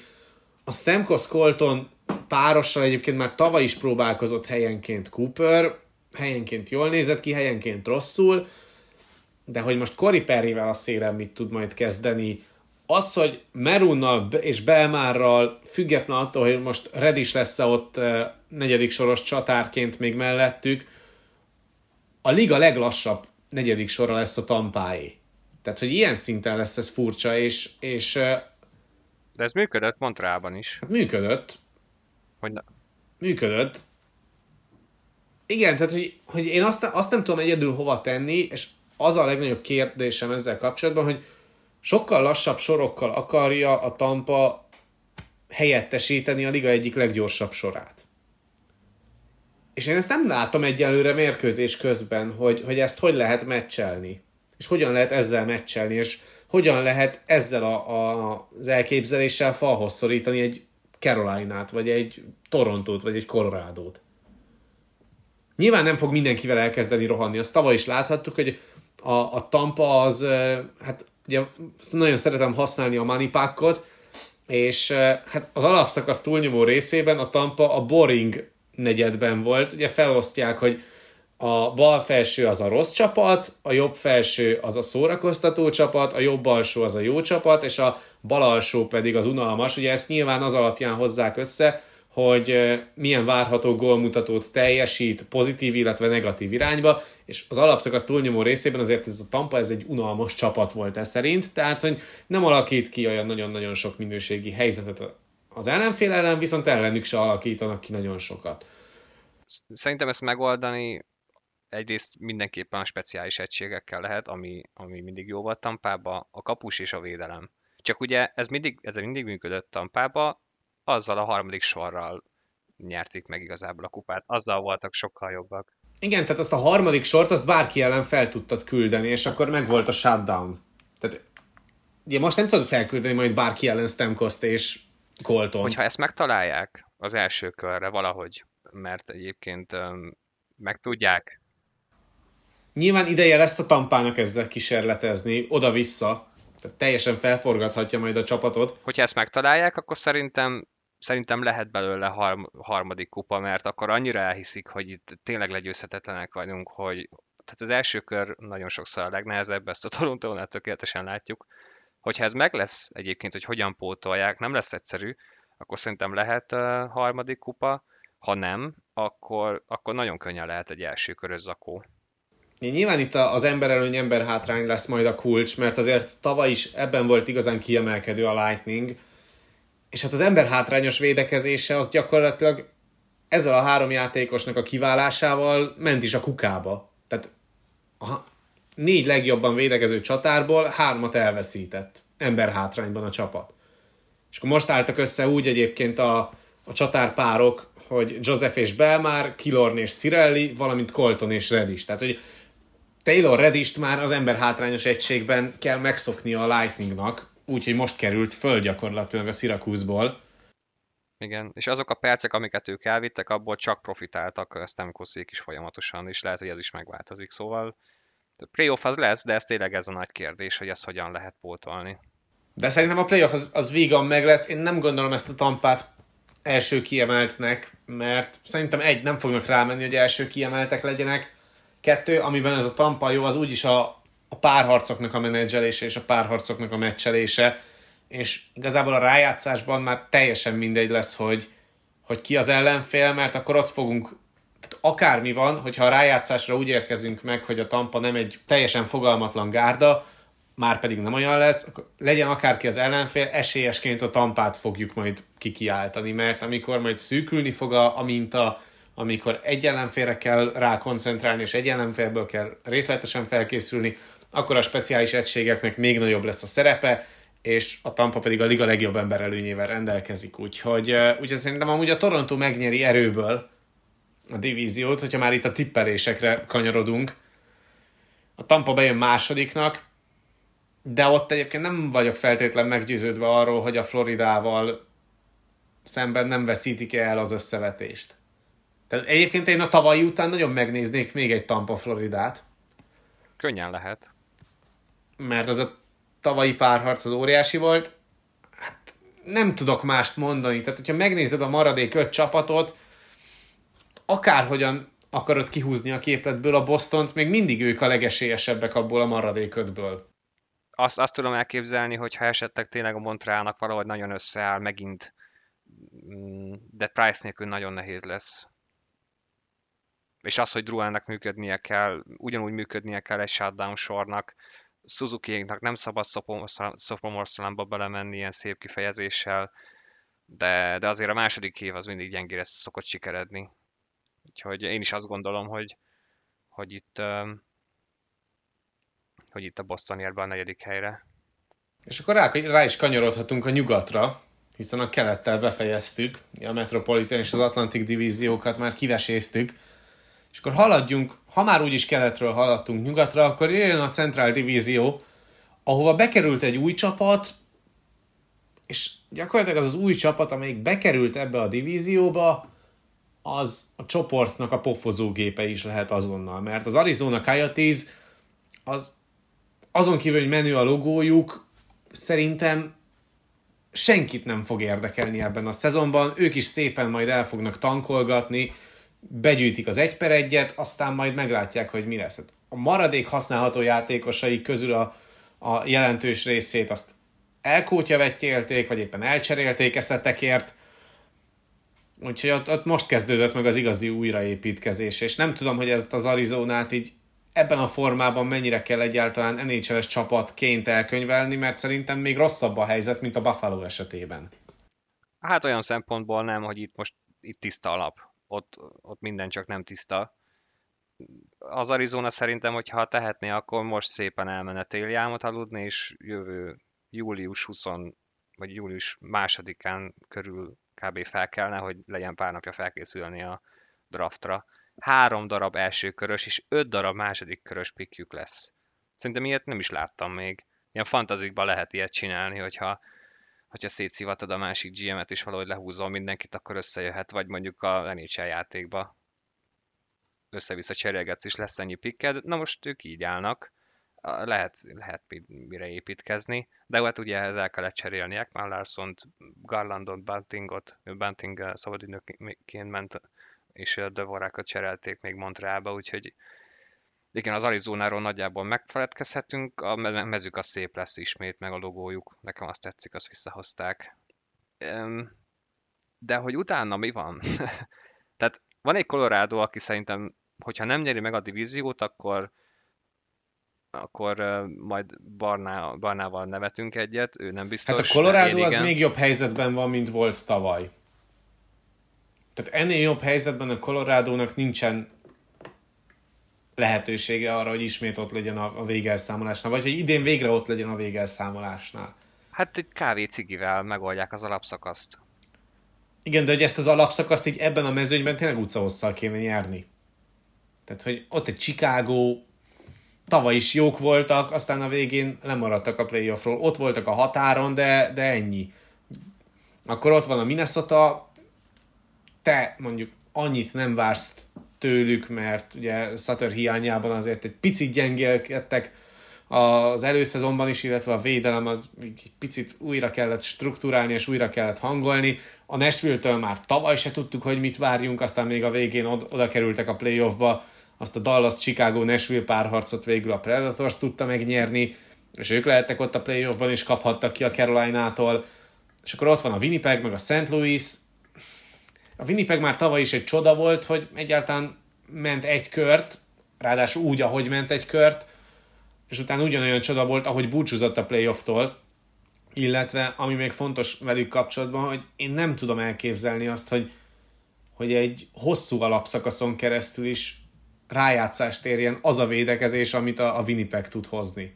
Tehát az egyébként tényleg a, a legnagyobb rejtéje volt az előző szezonnak, és hogyha nem a kanadai divízióban lett volna a Winnipeg, hanem mondjuk ebben a centrálban, a tavalyi erőviszonyokhoz képest, tehát hogy számoljunk az, hogy a Minnesota olyan, mint tavaly, a Colorado olyan, mint tavaly, a Nashville olyan, mint tavaly, akkor nem biztos, hogy ebből a négyesből a Winnipeg ment volna a legtovább. Mert egyszerűen az a szintű hát gyakorlatilag szétlövetik ugye Hellobackot, és onnantól kezdve minden azon múlik. És azzal, hogy nincsen Nick Illers, vagyis hát nem volt Nick Illers, ennyi is volt a Winnipegben. Aztán láthattuk, hogy amikor visszatért, akkor meg már késő volt. Akkor már mint a veszett fejszennyere úgy érkezett meg.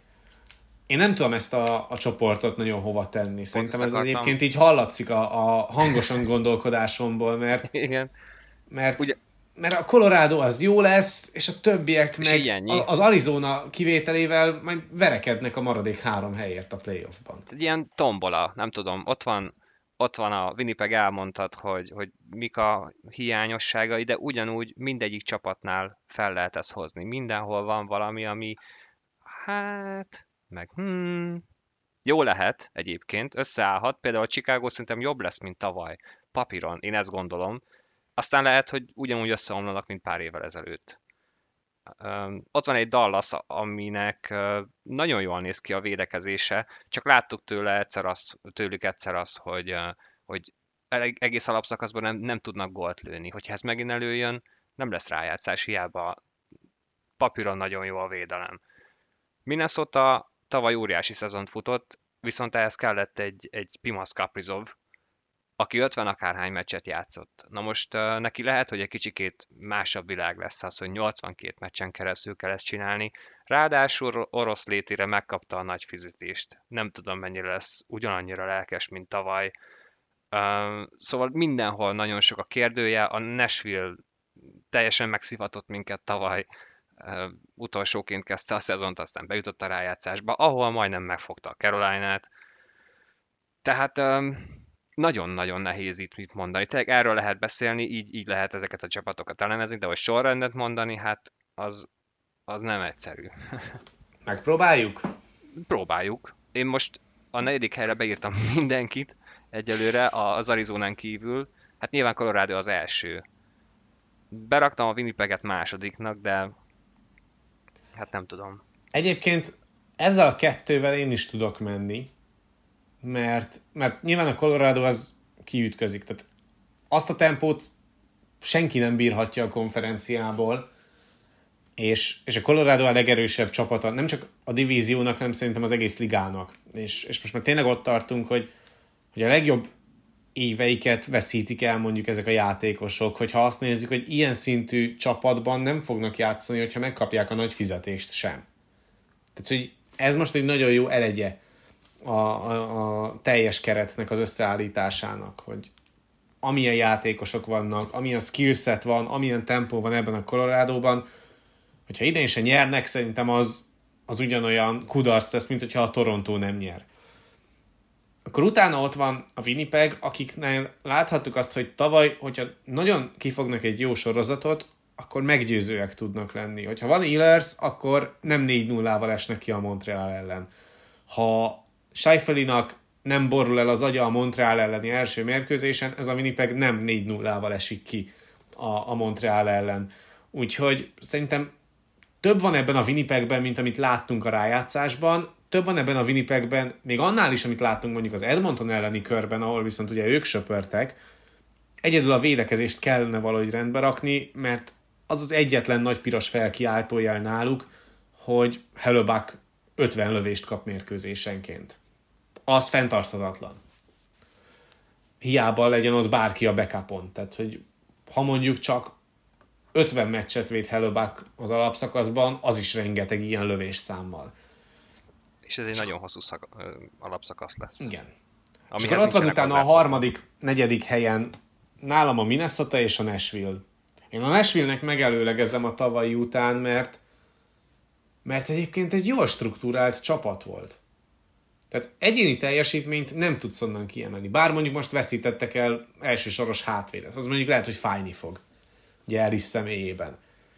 De de én a tavalyi után már nem merem azt mondani a, a Nashville-re, hogy, hogy kutyaütő brigád lenne, mert, mert nagyon jól össze lett rakva a történet. Pekarinét szépen el lehetett búcsúztatni az előző szezonban, most jött a Saros korszak. Szerintem az sem lesz egyébként egy rossz időszak, legalábbis amit eddig láttunk Sarosztól, főleg a tavalyi szezonban. Szerintem ez egy jó, jó Nashville lehet, és nem tudom. Egyébként meg nem azért lesz jó csapat ez a Nashville, mert ontani fogja a gólokat, hanem azért, mert, mert meg fogja tudni folytani azokat az ellenfelelkeit, akik egy szinten vannak velük. És hogyha pedig a saját szinteden kell nyerni, az a komfortzóna. És akkor a minnesota pedig jó, jó, nem biztos, hogy ott lesznek mondjuk a második körben, de, de ebben a mezőnyben biztos jók lesznek a rájátszásra. És teszem ezt úgy hozzá, hogy azért a védekezése tavaly jó volt a vágynak, de mégiscsak inkább a támadó oldalon lévő hatékonysága volt az, ami kiemelte őket, és, és ami miatt nagyon lehetett rajongani azért a Wildért. Nem biztos, hogy az idei Wildért mondjuk lehet ugyanolyan szinten rajongani, mint a tavalyiért, mert az például egy nagyon érdekes kérdés lesz, hogy a Minnesota az hogyan fogja majd összerakni ezt az újjá alkotott védelmet, és hogy mennyire fog majd rátámaszkodni arra, hogy akkor Damba nem tizet lő mérkőzésenként, hanem 15-öt, vagy esetleg 20 Teszem azt. Nyilván nagyon-nagyon el vagyunk rugaszkodva a valóságtól, hogyha ilyet állítunk, de az a helyzet, hogy mivel Sutter nincsen, ezért Damba még többet fog majd magára vállalni, és én attól tartok, hogy az a magára vállalás az nem a védekezésben, hanem a korongnak a túloldalán a támadójátékban fog majd megnyilvánulni nála. És, a, és és attól viszont félteni kell a minnesota hogyha elkezdenek ész nélkül lövöldözni a kéken, mert tavaly is az egyik legrosszabbul célzó csapat volt a Minnesota a kékről. Köszönhetően pont Dámbának. Igen. Igen, lehet, hogy lő 20 csak kettő találja a kaput. Igen. És a Blues? Hú, hát nagyon-nagyon rendet kell tenni. Én beírtam őket harmadik helyre csak azért, mert... Miért? Nem tudom. Azért, mert, mert, mert mindenhonnan fel tudok hozni ugyanolyan hibákat, és egyébként nyilván ott, ott valami megbomlott azzal, hogy, hogy Pietrangelo elment. De még mindig azt érzem, hogy ők fel tudnak támadni bármikor. Persze ehhez kéne egy épkézláb Tarasenko, ahhoz, hogy beépüljön rendesen a csapatba szád. Fú, hát valóban nagyon sok minden kell ide de akkor is azt érzem, hogy még mindig hamarabb odaérhetnek, mint, mint egy Chicago vagy, vagy egy Dallas. Hát nyilván, de velük nem is számoltunk. Hát igen. Ezek szerint te sem, meg én sem. De én talán még a minnesota is erősebbnek gondolom őket azért, mert, mert egy ilyen hosszú alapszakaszhoz több tapasztalatuk van, mint, mint egy minnesota az, az rendben van, hogy tavaly nagyon összeállt a mini, mm, csak, csak nem vagyok benne biztos, hogy ezt meg tudják uh, ismételni. Az viszont meglepne, hogyha teljesen széthullana a blues, és, és az én szememben az, hogyha nem jutnak rájátszásba, az egyenlő ezzel. Ez én tény, egyébként hogy... azt látom forgatókönyvként ebben a Central Divízióban, amit tavaly lehetett látni, csak ott ugye egy rájátszás helyett ment a versengés, itt most egy egész 82 mérkőzésen áttartó sorozatot láthatunk a Chicago, a Dallas, a Nashville, meg a Minnesota, meg a, ne, meg a St. Louis között. És ugye, hogyha visszagondolsz tavaly, a Chicago, a Dallas és a Nashville szintén tagja volt annak a versenyfutásnak, amit ugye a végén a Nashville tudott megnyerni. Tehát, hogy nekik egyébként ez nem lesz egy újdonság. Ők ezt már tavaly lejátszották egymás között, most annyi, hogy bejön a képbe még a blues. Esetleg. És mi, mi van akkor? Tegyük fel, hogyha még ehhez hozzájön az, hogy a Colorado-nál megsérül pár vezéregyéniség. Kidől az első sor. És akkor anarchia az egész divízióba. De egyébként a, a nashville kapcsolatban meggyőztél. Én, én tavaly is nagyon sokat vártam tőlük, csak éppen a szezon elején valami tragédia volt, amit csináltak. De hogyha megnézed valóban a csapatot papíron, ennek egy jó csapatnak kellene lennie, amit egyébként nagyjából be is bizonyítottak a... Hát figyelj, onnantól kezdve, hogy Saros megkapta kimondva az első számú kapusposztot, a liga legjobban védekező csapata volt a Nashville ütötték a Montrealt is mindenféle advanced statisztikákban, ütötték a Tampát, ütötték az Islanders-t is sok szempontból. És hát nyilván ennek köszönhető volt az, hogy egybe jutottak a rájátszásba, kettő hat meccsen estek csak ki a Carolina ellen. Akkor én most újra tervezek. Nashville a harmadik, és marad a St. Louis a negyedik helyen, csak, csak azért, mert, mert én azt gondolom, hogy a Blues az, az még mindig jobb, mint a utána lévő csapatok. Már tapasztalatban is, és mint csapat is. Tehát a Colorado, Winnipeg, Nashville, St. Louis, és a St. Louis megint kiesik az első körbe a Colorado ellen. Annyi 4 0 Hát kb. Egy csoportunk maradt már csak, és nem tudom, hogy honnan fogjam meg. Onnan, hogy ez lesz a legszorosabb, azért, mert mindenki ugyanolyan jó, vagy úgy fogalmazom meg, hogy azért lesz nagyon szoros, mert mindenki ugyanolyan rossz. Mert hogyha megnézed, ha megnézed, akkor van az Edmonton és a Vegas, nagyon jó. Tényleg, az Edmonton alapszakaszban a legkirályabb csapat évek óta, a hajukra kenhetik, mert rendre kiesnek a rájátszásban. Ott van a Vegas, amelyik próbál már végre nyerni egy kupát, nem jön össze neki. És akkor ott tartunk, és ráadásul, ha belegondolsz, szegény Vegas, nyilván szegény Vegas, uh, nem sikerült, nem sikerült farccal végig mondani. Szóval szegény Vegas azért az elmúlt két évben pont ezektől az egyszezonos csodacsapatoktól kapott ki a, a Stanley döntő előtti utolsó lépcsőfokon. Tehát mind a kétszer a, a Stanley elődöntőjében kaptak ki attól a csapattól, amelyik összességében nem volt tényező a nagy döntőben a Lightning ellen. Tehát ugye a Dallas meg a Montreal. Úgyhogy a Vegasnak most már szintén egyébként zárul az a championship ablak. Tehát, Na jó, ha, nem is olyan, ha, ha nem is olyan drasztikusan zárul, mint a Washingtonnál, de zárul. És ezért is akartak mindent megtenni Eikelért, de hát ugye ez nem jött össze, és akkor most ott tartanak, hogy akkor a meglévő emberállományból alkossunk valamit. Úgy, ugyanott. Ugyanott vannak. Tehát ez ott. megint nagyon olyannak fog kinézni, hogy és amitől a Minnesota-nál tartottunk, hogy mondjuk a hátvédek közül Damba fog majd sokat vállalni, de nem a védekezésben, hanem a támadásban, azt ugyanúgy látjuk majd a Vegas-tól. Ugye tavaly is az volt a, a Vegasnál a nagy minta, hogy rengeteg lövés érkezik a kékről. Kevés jut el a kapuig.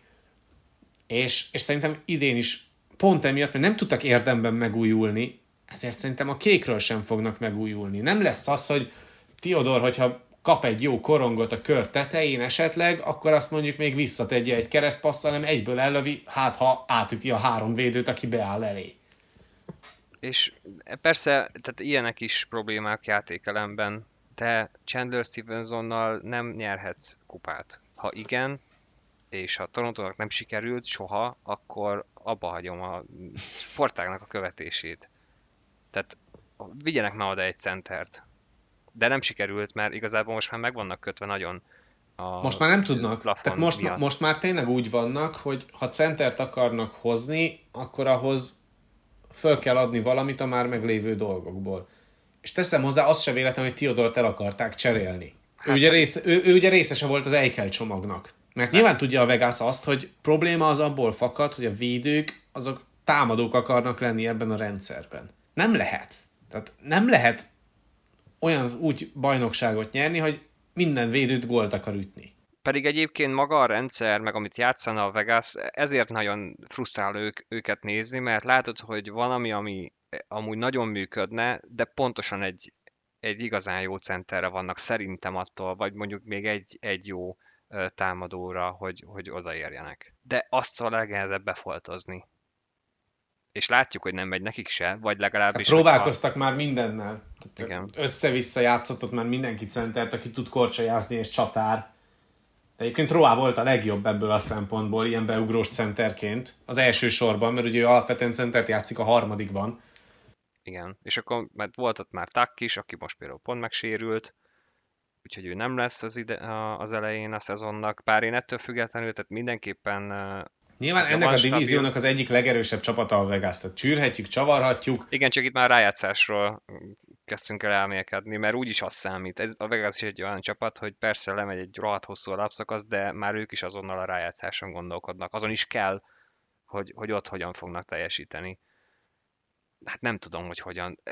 Köröket tudnak menni, de hogy a végső cél meg lesz-e. És, ja, és nem beszéltünk még egy dologról, hogy a kapu. Mert Lenner nagyon jó, csak mostanában megint azt lehet látni rajta, legalábbis a social médián keresztül, hogy nem biztos, hogy teljesen százszázalékosan összpontosítani tud egy korongra. A másik része pedig az, hogy nincs Flőri, aki hát most, hogy el lett üldözve. Azt lehetett tudni, hogy el kell cserélni, vagy hogy el fog menni, de, de nem feltétlenül így, ahogy ez megtörtént. Hát e, szerintem ezt az egész kapus szituációt a tavalyi rájátszástól számítva nagyon rosszul kezelte a Vegas. Tehát az, hogy ott a rájátszás közepén adtak egy nagy szerződést Lenörnek, úgy, hogy Flöri egyébként remekül védett, az már szerintem rányomta a teljes következő alapszakaszra a bélyegét. Az más kérdés, hogy egyébként egy nagyon jó kapustandem volt, és ez Flörit a legkevésbé sem zavarta, és e, de én nem vagyok róla meggyőződve, hogyha mondjuk mind a két kapus százszerzalékos, akkor nem Lenör lett volna-e már a, a kezdőkapus, és nem láttuk volna-e ezt a cserét korábban, még az előző szezonban a csere határidőt megelőzően. Mert én ezt is el tudom képzelni, hogy ugye, hogyha Lenör százas, és, és nem sérült, és nincsen semmi különleges dolog vele, akkor, akkor övé ez a kapu. Tehát azzal a szerződés hosszabbítása gyakorlatilag a, a Vegas kimondta azt, hogy Lenorben gondolkodnak első számú kapusként. Aztán úgy alakult a történet, hogy, hogy Flörit nem tudták elcserélni a, a holt szezonban, Flöri maradt, és Flöri jól védett, de, de szerintem, hogy ha, ha az alapszakasz közepétől fogva egészséges lett volna Lenör, és nem kellett volna Flörinek ilyen szinten túlvédenie magát, akkor, akkor lehet, hogy elcserélik már az előző szezon közepén mert, mert az stemmel látható volt, és az, azt lehetett tudni előre, hogy Flurry a következő szezonban, amit most kezdünk majd ezen a héten, nem lesz a Vegas Golden Knights kapusa.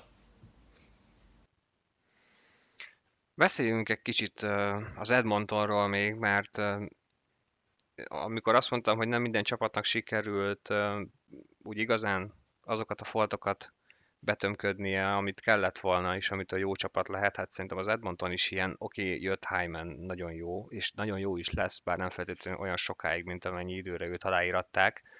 Duncan igen, de most miért kellett megint egy csatár ebbe a csapatba? Hát igen.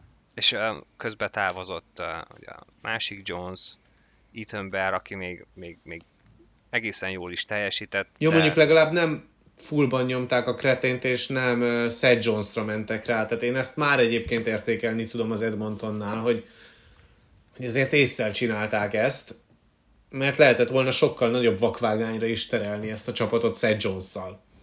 De Seth Jones nem még vissza fog jönni az adásban.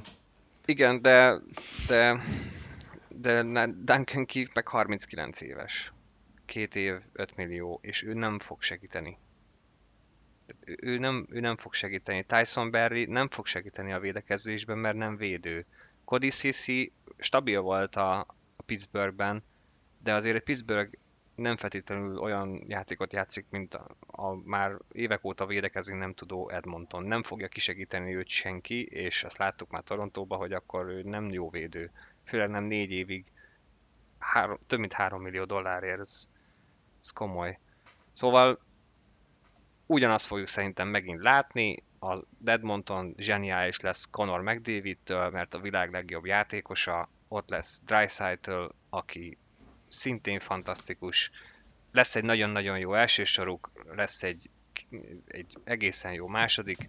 Paul Hujjervi állítólag megtanult védekezni. Hát, igen.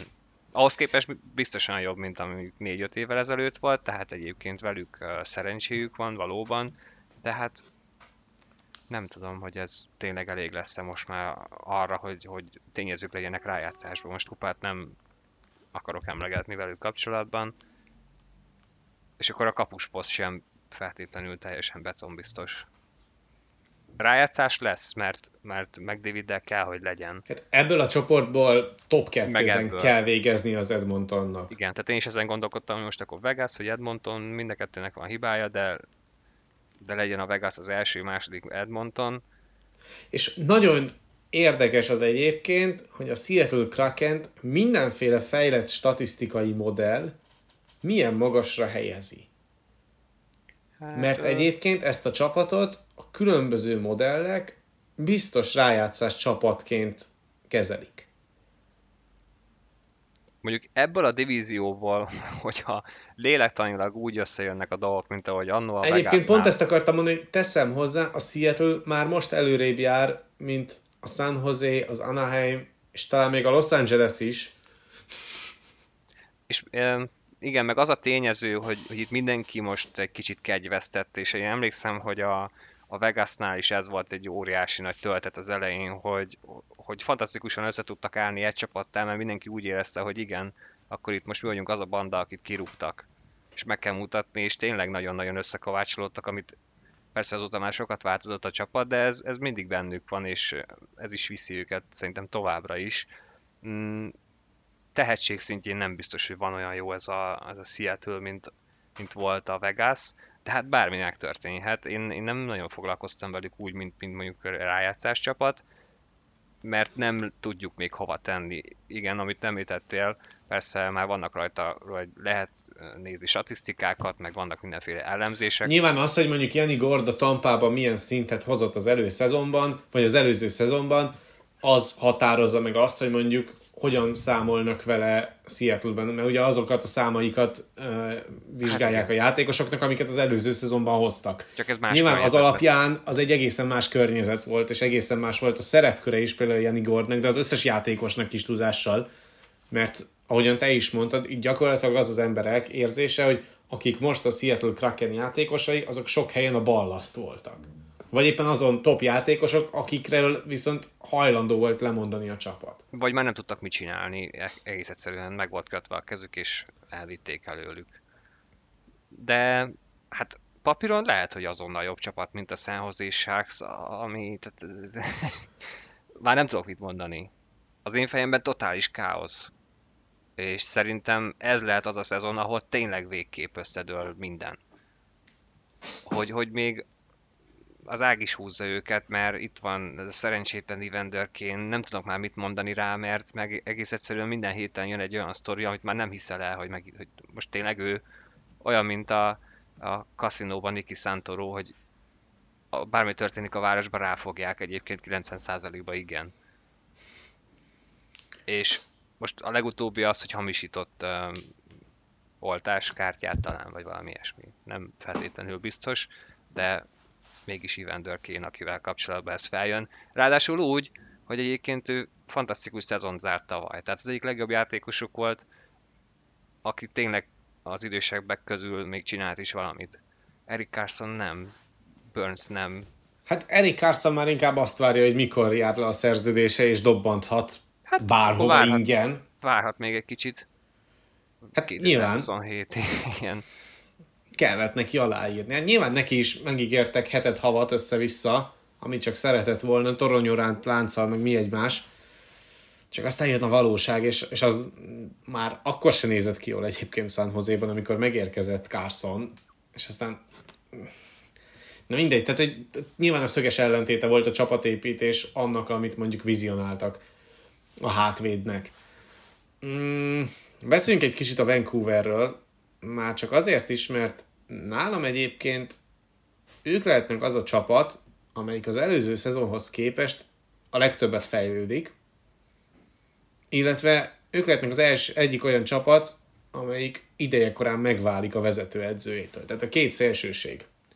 És lehet, hogy egyébként a kettő az pont együtt fog járni, tehát hogy csak azután lesz majd igazán jó csapat ez a Vancouver, amikor kirúgják Green-t, de az van, hogy ez a Vancouver, ez tavaly, amíg volt Elias Peterson, addig nem nézett ki rosszul. Aztán jött a Covid probléma a Vancouvernél, és az gyakorlatilag a teljes szezonjukat tönkretette. Meg ugye, ami még szintén probléma ezzel a canucks hogy vannak nagyon jó védői, csak éppen védekezni nem tudnak. Az mondjuk egy elég nagy nem gond. Jó. Igen. Főleg, hogyha a legjobb védődet minden szempontból tudják verni. Tehát az, hogy Quinn Hughes aki a sebessége miatt emelkedett ki sokáig a ligából, vagy amikor megérkezett a ligába, a sebességét gondolták extrának, és egyébként tényleg az egyik leggyorsabb védő, róla kapnak olyan gólokat a, a, a Vancouveriek rendre, hogy megverik őt sebességből.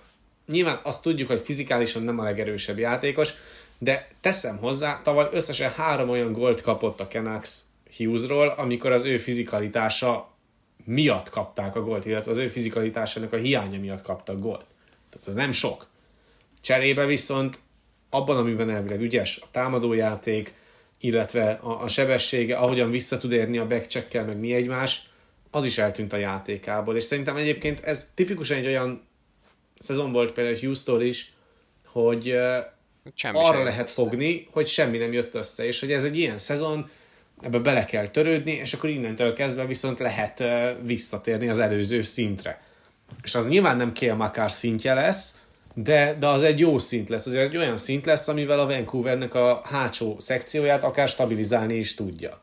És akkor hozzá fölnőnek a többiek, egyébként ez a Vancouver egy, egy nem egy rossz keret, a rájátszás határán mozoghatnak egyébként, tehát én azt nem gondolom, hogy ez a Vancouver nagyon sok sót fog megenni a végelszámolásnál, de az, hogy Petersonnak a helyzetét végül sikerült tisztázni, és aláírták vele, az, hogy úgy tűnik, hogy Höglender feljebb kerül egy sorral, és majd Horvatékkal játszhat majd, az is nagyon sokat fog számítani, és összességében ez a Vancouver támadó fronton egy nagyon divers csapat lesz, és nagyon jó lesz majd nézni azt, hogy hogyan fogják ezt kitalálni, hogy, hogy azt a kettős sort, a Horvat, illetve a Pettersson által vezetett sort hogyan fogják összerakni, és hogyan fogják egymást váltani, hogyan fog majd meccselni Green úgy, hogy teljes kerettel számolhat, úgyhogy nem lesz senki sem covidos, ha minden jól alakul, és a többi, és a többi, és lendületből mehet végig a Vancouver a szezonon, úgy, hogy nem arról szól a történet, hogy két naponta játszik meccseket, vagy hogy sokkal sűrűbben játszik meccseket, mint a többiek. És szerintem a Vancouver ebből a szempontból sokat javulhat idén, mert sok olyan tényező tűnik el a szezonjukból, ami tavaly ott volt. Sok mindennek kell, kell összeállnia most megint Vancouverbe ahhoz, hogy tényleg jó csapat legyen, mert papíron ez megvan, és vannak azok az emberek, akik képesek arra, hogy vigyék ezt a csapatot. Nekem én azt éreztem, mégis még a covidos, covidos problémájuk előtt tavaly, hogy itt, itt fejben nagyon széthullott minden, és ezt kell összerakni. Hogyha ez megvan, nyilván főleg Petersonnál, Hughesnál, akkor, akkor jó lehet. És még tegyük hozzá, hogy a kapuspaszt is tisztázódott, tehát most nincsen ott egy Braden Holtby, akit félretni kell csak azért, mert kifizetünk neki évi 5 milliót. Sőt, Halak pont, hogy segíteni fogja szerintem Demkót, mert ő mindig is egy, egy nagyon-nagyon jó backup volt, és ennyi a szerepe, most is ez lesz. Úgyhogy a Vancouver-t én amúgy rájátszásba várnám, de hát megint tavaly is ez volt. Azt hittem, hogy megnyerik a divíziót, vagy legalábbis top 2, és széthullott minden. Ez idén is bekövetkezhet. Mm, Calgary, mit, mit gondolsz? Mert ott szerintem ez is egy olyan pont, ahol úgy igazán nem történt semmi. Olyan, mármint hogyha azt nézzük, hogy, hogy előrefele kellene haladni. Amikor elindulhattak volna előre, akkor vége lett a szezonnak. Tehát, hogy ha van csapat, ha van csapat, amelyiknek egyébként a New York Rangers-ön kívül rosszul jött a rövid alapszakasz, azt szerintem a Calgary az edzőváltás után. Mert onnantól kezdve, hogy megtörtént az az edzőváltás, amit mindenki már szeretett volna jóval korábban meghúzni, mint amikor végül sikerült, egészen más szemléletben játszott a Calgary, sokkal hatékonyabb volt, sokkal jobbak voltak a letámadások, sokkal jobban tudták az ellenfél harmadában megszűrni az ellenfél támadásait. Rengeteg korongot szereztek az ellenfél kör tetejénél, illetve az ellenfél harmadában, amiből aztán egyből gólhelyzetet is tudtak kialakítani. Rengeteg olyan szituáció volt a, Calgary játékában, ami rövid távon lett a csapat erőssége. És kontextus nélküli volt, mert előtte hasonlót sem nagyon láttunk. Tehát előtte, még mielőtt kinevezték volna Suttert, az volt a probléma, hogy egyszerűen nem volt uh, semleges harmadbeli korong kontrollálása ennek a Calgary-nak. Ehhez képest most azt látjuk, hogy egy csomószor olyan kereszt passzokat engednek meg a semleges harmadban három ellenfél játékossal, amiért rengeteg edző két órán keresztül üvöltene a játékosaival. És lehet, hogy Sutter is üvöltene velük, hogyha rosszak lennének ezek a passzok. De annyival korong biztosabb lett ez a Calgary, hogy, hogy egy másféle hokit játszik, mint mondjuk ennek a divíziónak a jelentős része, vagy mint mondjuk az egész ligának a jelentős része.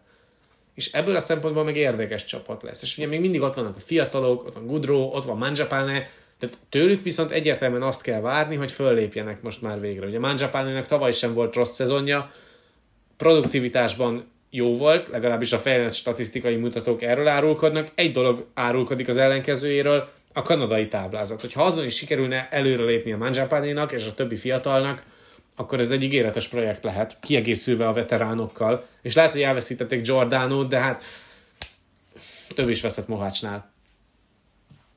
Igen, és azt gondolom, hogy megint ez a bubble, ez a bubble feeling, hogy összejöhet egyébként egy, egy jobb periódus, aztán utána gyakorlatilag azzal, amit nyertek el, is veszítik a következő egy hónapban.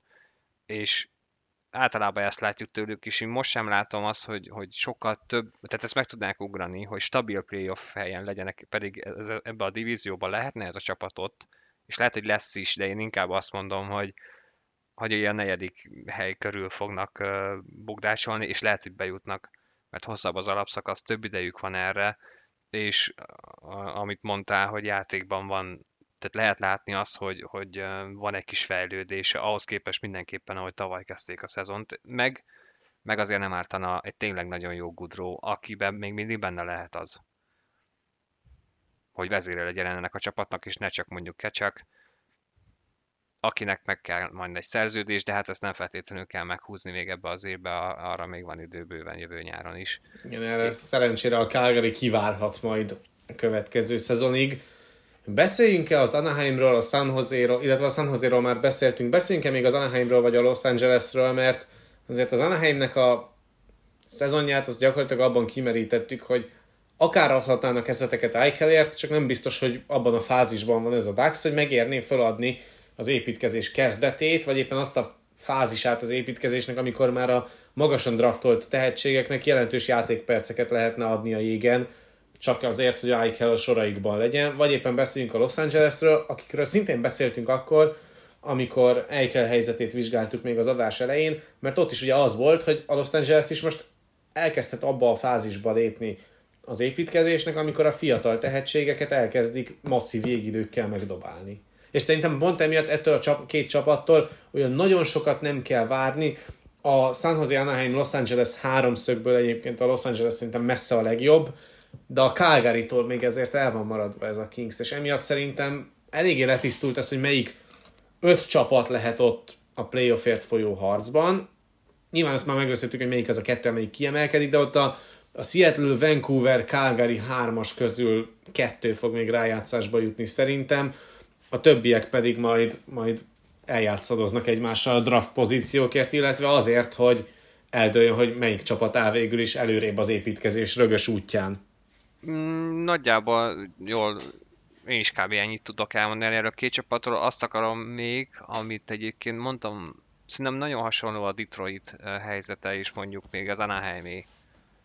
A, ahogy te is mondtad, a Kings szerintem előrébb jár. Én a, a Kings-től várok egy kicsi meglepetést, és szerintem azért is hozhatták Danót, és azért is hozhatták még Edlert egy kicsikét, um, tehát olyan veterán presence-nek, mert mert lehet, hogy azt érzik a, a Kingsnél, hogy azért mégis itt van még egy kopitár, mégis itt van még egy Doughty, és Igen, de szerinted egy Philip Danóra vannak attól, hogy rájátszás csapat legyenek?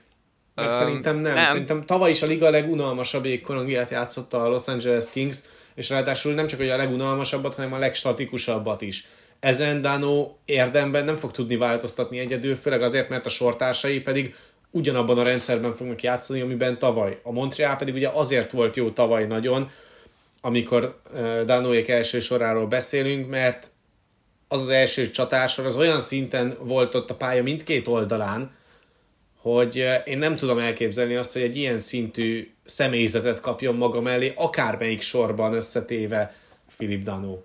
Viszont közben ugye érkezett Arvidsson is, és ez a fajta törekvés, hogy kész játékosokat is akarnak hozni a fiatalok mellé, szerintem inkább látszik az, hogy ők most már elkezdenek irány, de abba az irányba menni, hogy itt most nem csak rebuild van, hanem az a fajta újjáépítés, hogy támogatni kell ezeket a fiatalokat, és megpróbálják lehet, hogy őket úgy integrálni a csapatba, hogy ez már inkább egy nyertes csapat, mint, mint mondjuk most a Detroitnál, hogy hát srácok itt még azért um, abszolút a divízió alján lesznek. A Kingsben én látom azt, hogy ha jól elkapják a szezon elejét, és nem fáradnak el azonnal a fiatalok, hogy, hogy tudnak meglepetést okozni, és, és igazán akarnak is. A veteránok biztosan. Szóval, és e, ebben mindenképpen az Anaheim előtt járnak, mert az Anaheimben már nincsenek meg azok a nincs Doughty szintű vagy Kopitár szintű húzójátékos, aki még igazán tud um, tényező lenni. Igen, csak egyébként nem ilyen szinten. azért már Kopitár még talán, de Doughty mindenképpen már azon játékosok közé tartozik, akiket 5 az 5 ellen, hát lehet, hogy el kell tüntetni mondjuk védekezésben. Hát, és nem biztos, hogy ez a garnitúra elég jó ahhoz, hogy őket eltüntesse védekezésben. Abszolút. Ez, ez ki fog derülni, de, de én, én azt érzem, hogy, hogy közelebb lehetnek a vonalhoz, vagy legalább meg fogják szagolni párszor már idén. Aztán még, még akár meglepetés is okozhatnak, hogyha valamelyik csapat az esélyesek közül, vagy az történik, mint tavaly a Vancouverrel, vagy mondjuk egy Edmonton teljesen szétesik, szóval nagyon sok minden lehet itt. Én, én odaírtam perjellel a negyedik helyre, a Kings ötödik mindenképp az én szememben. A Ducksról ugyanazt tudom elmondani, mint a Detroitnál, hogy, hogy vigyázzanak Zegrászra, meg vigyázzanak a fiatalokra, mert mert könnyen lehet sérülni itt ebbe az időszakba, és megvannak azért azok a, azok a fiatalok, akiket nem szabadna elrontani. Mert ez egy jó csapat lehet később, de például szegény Gibson már biztos, hogy kezdi unni. Pedig az egyik legjobb kapus a ligában. Akkor mondok én is egy sorrendet. Nyilván a Vegas Edmonton sorrend talán egyébként ebben a sorrendben, hát nem, az Edmonton megnyeri a divíziót, aztán jön a Vegas, és akkor utána egy nagy szakadék, 10 pont plusz, és Vancouver, Calgary és Seattle. Tehát ahogyan szépen felvezettem azt, hogy a Seattle-t milyen sok modell behozza a, rájátszásba, szerintem a Seattle idén még le fog maradni róla. Úgyhogy, úgyhogy Vancouver és Calgary a másik két csapat, akikkel teljes lesz ez a csendes óceáni divízió, és ezzel pedig szerintem végére is értünk mind a négy csoportnak. Ha, akárhogy, akárhogy számolom. Igen, szerintem nagyjából, nagyjából szépen átbeszéltük ezeket, hogy, hogy mikre lehet esetleg számítani, hol milyen problémák vannak, milyen pozitívumok vannak, aztán majd aztán majd meglátjuk ebbe a szezonban, hogy hogyan fognak alakulni. Nyilván vannak egyértelmű esélyesek, de, de azért szépen látszik, hogy, hogy sok divízióban van elég komoly fejetlenség, és láthatunk meglepetéseket. Mind egyénileg, mind csapatszinten. És akkor egy kicsit a, próbálj meg tippelni pontosan ezeket, hogy a, a, a főbb, főbb pontokat, főbb kupákat, vagyis kis uh-huh. trofikat kiviheti el. Melyikkel kezdjük? Csapatokkal kezdjük, vagy, vagy hát az egyéni az mindig izgibb, úgyhogy szerintem az egyénit hagyjuk meg a végére, és most gyorsan rohanjunk át a csapatokon. Jó, akkor a legfontosabb, ki nyer? az előző év covidos volt, azt túléltük. Akkor már egy Toronto bajnoki címet is sikerülhet feldolgozni a világnak. Ezt átgondoltad? Vagy az ilyen bold prediction, amit egyébként kihagytunk a... Nem, egyébként én, én el tudom képzelni, hogy a Toronto idén gurít egy nagyot. Most már tényleg kell gurítani egy nagyot, és egyébként én a boldomat az Avalanche-ra akarom elhasználni majd. Aha. Jó, jó, hát legyen igazad. Én ezt Tehát, hogy én alapvetően úgy számolok, hogy egy Toronto-Colorado döntő egyébként, uh-huh. és aztán utána meg hát ugye, hogyha a Boldról kell beszélni, akkor meg, akkor meg, hogy a Colorado nem lesz ott a négyben. Uh-huh. Colorado-t én is döntősnek hozom nyugatról. Nem merem én azt bemondani, hogy Toronto. Gondoltam rá, de nem fogom, mert nem fognak döntőbe jutni. Viszont bemondod a Bostont, mert félsz nem, tőlük. Nem, nem. A, most mástól félek a divízióba, és ő is nyeri a kupát, a Florida. Hmm és ugye nyilván keletet is. Nyugat Colorado, megismétlődik a régi döntő, de most a Florida nyer. President Sophie, Colorado, azt szerintem te nem mondtad. Azt nem mondtam, mert csak a döntősöket kérdezted, meg a győztest. Mm. Presidents. Hú, én, én ott valami nagyon nagy izé, tarolást gondolok az Edmontonnak. Tényleg? Uh-huh. Tehát szerintem, szerintem végig rohannak ők az alapszakaszban, és a legjobbak lesznek az alapszakaszban. Aztán meg majd nyilván a rájátszásra meg teljesen elfogynak. Meg megint fel fogják áldozni az alapszakaszt a rájátszás oltárán, de, de szerintem az Edmontoné meg lesz. Hmm. Én a védelmet ahhoz is gyengének érzem, hogy az alapszakaszt végigdarálja. De elég, hogyha lehet. David szerez 170 pontot. Mert igen, mert amúgy szerezhet. És akkor a Hart szerintem az övé, meg de a csapatokat még kihagytuk. De Majd még vannak, vannak extra csapataink, például, hogy Tényleg. sötét ló csapat ki lehet idén, illetve melyik csapat lehet a legnagyobb csalódás, ezeket már én dobtam be, mint alternatíva. És akkor te az egyikről már beszéltél is, hogy a Colorado nem jut a négybe? Nem, az a bold lenne. De Komoly- én nem őket, tehát a csalódást azt én nem onnan fognám meg, hanem hogy ki az, akitől, akitől olyan szinten csalódnék, hogyha nem lennének jók, mint mondjuk a játékosoknál lesz a választásom. De hogy ugye a Colorado-val nagy az elvárás, de ugye az a boldom lenne, hogy a Colorado nem jut négybe. Tehát hogy alapvetően azzal nem számolok, hogy a Colorado nincsen ott a döntőben, mert ugye egyébként maga Toronto ellenfelének őket hoztam. Nekem a, a szezon csalódása az az egyébként bármilyen meglepés, bármilyen szépeket mondtunk az adás elején róla, de szerintem a Carolina. Rosszabbak lesznek, mint tavaly? Én nem gondolom azt, hogy ez fenntartható lenne ezzel az állományjal, és bármilyen jó Brindamur, bármilyen jól kezeli a játékosait, bármilyen jó legyen az Ahó-féle sor, szerintem az a kapus kérdés kezelése az olyan szinten fogja őket megragyasztani, hogy a tippemmel ellentétben szerintem ők nem fognak felérni ahhoz az elváráshoz, amit ők magukkal szemben támasztanak. Márpedig milyen elvárással indulnak neki a szezonnak? Döntő. Az ne, ezzel a garnitúrával szerintem nem lesz meg, és szerintem ideje korán fognak akár búcsúzni is, hogyha a rájátszásról beszélünk, független attól, hogy hanyadik helyen jutnak be. És ahhoz képest pedig szerintem csalódás az a Carolina-nak, hogyha mondjuk nem jut döntőbe. Én Tampát hoztam a, azzal, hogy kiesnek az első körben. Amiről már beszéltünk korábban, uh-huh. hogy hogyan lehetséges.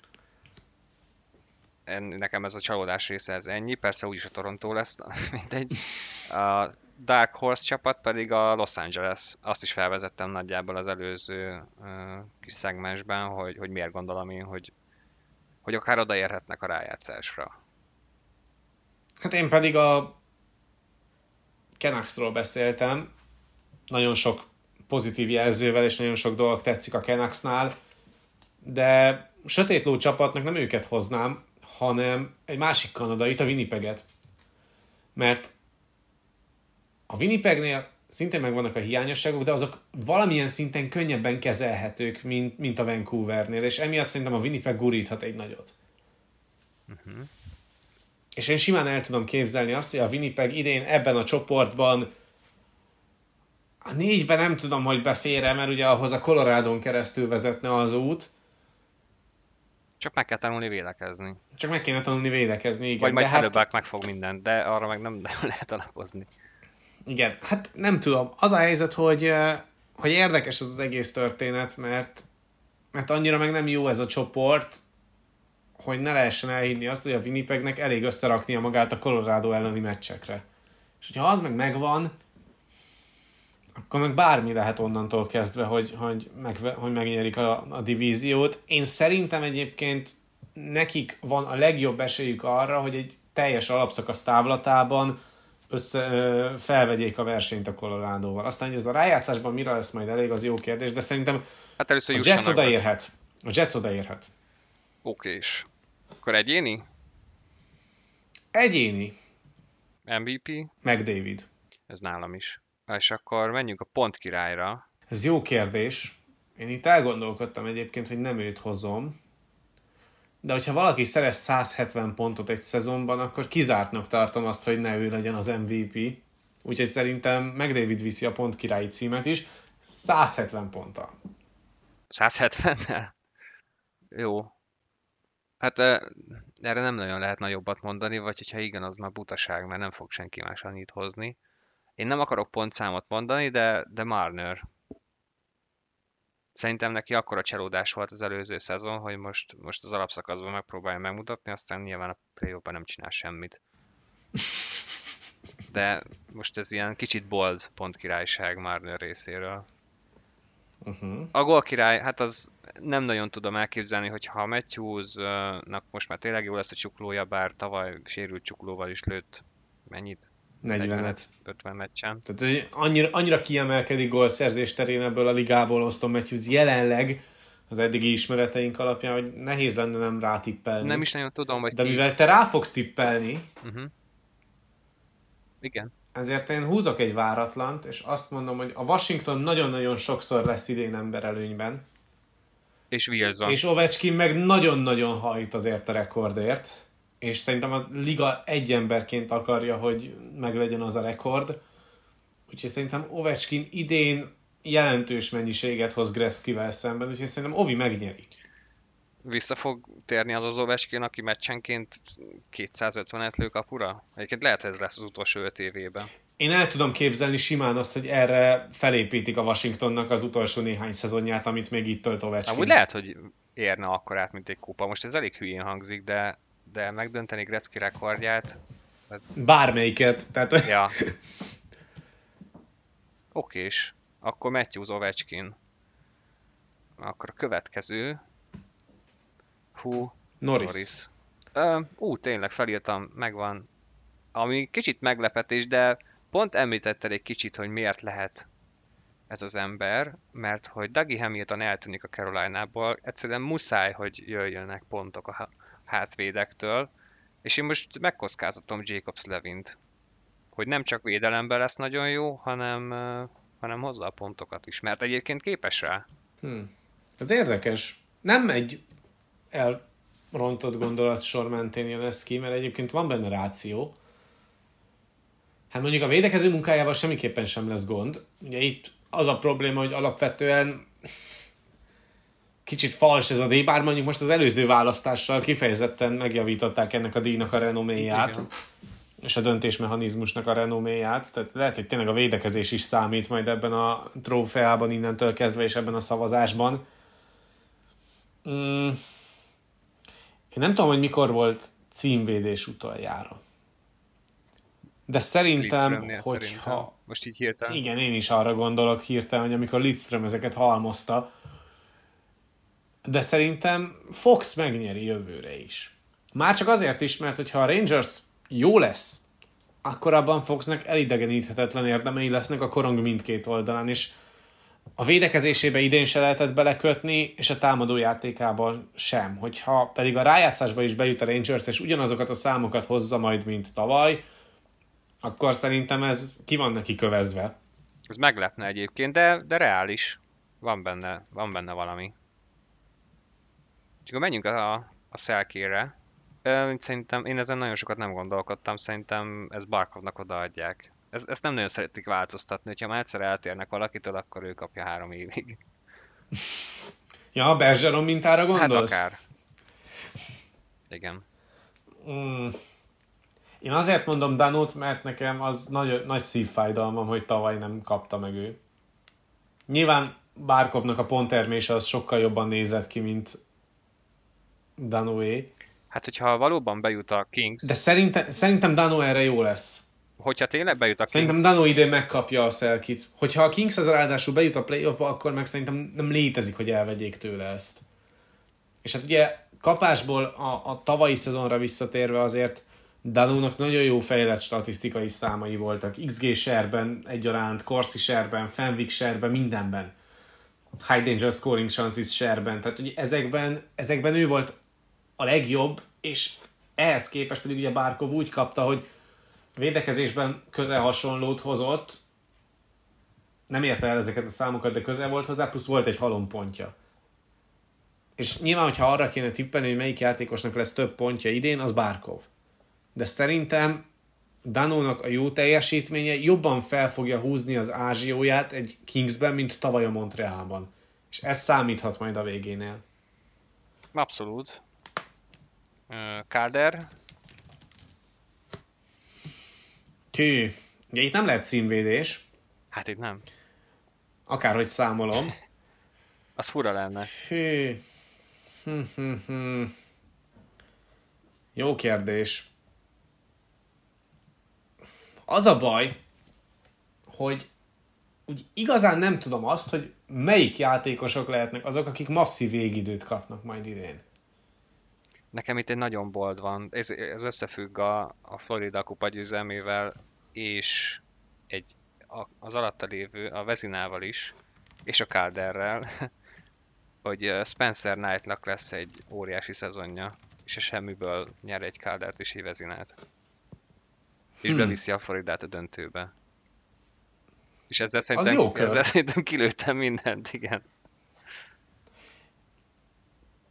Hát Úgyhogy most már jöhet egy a Calderre is, meg a Vezinára is. Figyelj, igazából, hogyha abban gondolkodok, hogy az előbb már Danónak odaadtam a Kingsnél, most akár Quinton Byfield is szóba jöhet, meg ugye arról elfeledkeztünk, legalábbis én hajlamos voltam elfeledkezni arról, hogy van egy Cole Caulfield nevezetű, nem tudom, hallottál-e róla? Hát valami rémlik. Egész jó szezonja volt tavaly a Montrealban, ő megnyerheti az év újonc díjat még idén. Tehát ő még nyerhet idén Calder. Igen. Vezinát azt nem. Úgyhogy így viszont nálam egyértelmű, hogy, hogy, hogy, hogy Caulfield. Akkor Caulfield. Mondom, Tehát nálam ő. Knight. Jó, hát el tudom képzelni mind a kettőt. Nyilván mindegyikre van egy adott forgatókönyv, hogy mi alapján biztosan ő nyeri. Aztán majd meglátjuk. Vezina, Hello, Buck. és akkor a döntő. Tudom, te Spencer Knight-ot mondasz, de Jó. Én, én Knight, és akkor neked Hellebuck. És akkor van még kettő pontunk, az egyik egy kiugró meglepetés játékos, és egy csalódás a szezon során. Uh, én mondom, nekem megvan azonnal mind a kettő. Kiugró játékos az Hughes, most New Jersey-ből, szerintem 80 plusz pontot csinál, és ez azért lesz mm, elég komoly teljesítmény, mert, mert jóval alatta lesznek a többiek. Tehát nagy különbséggel fog házon Mhm. belül 80 plusz pontot csinálni. A másik pedig szintén egy támadó, pont a tavalyi nagy csillag, Kaprizov. Ő lesz a csalódás, mert kevesebb, mint 40 pontot fog csinálni. hmm, Mert el fog fáradni a 82 meccses alapszakaszba, és nem biztos, hogy jó lesz annyira ez a Minnesota. De ez egy kicsit bold ez is, de, de én most ezt uh-huh. tudok vele menni. Mm, hm, hm, hm. Akitől mondjuk sokat várnának papíron, csak ugye az előszezon, előző szezonja nem volt annyira extra, viszont akinek a jó teljesítményére mindenképpen szükség van ahhoz, hogy a csapat a rájátszásba kerüljön, az nyilván Hughes és nyilván Caulfield, de szeretnék változatos lenni, és ugye adná magát, hogy azt mondjam, hogy Trevor Zegras, aki idén már tényleg előléphet az Anaheimbe, de nem őt fogom mondani, hanem Kirby Deckhet. Mert uh, egyszerűen annyira előttem van az, hogy ez a Chicago versenyképes lehet, és hogyha egy hosszú távú versenyfutásban ez így fog kinézni, akkor, akkor ott nagyon sok lehetősége lesz arra Decknek, hogy meghúzza a szekeret. A legnagyobb alul teljesítő pedig szerintem kitalálod, hogy ki lesz. Ugye elhangzott már az adásban. Maradok a Chicagónál, és szerintem ezzel a Seth Jones cserével olyan szinten került vakvágányra az egész történet, hát nem tudom, volt-e rosszabb játékos Seth Jonesnál a ligában védekezésben a hátvédek közül, mint ő maga.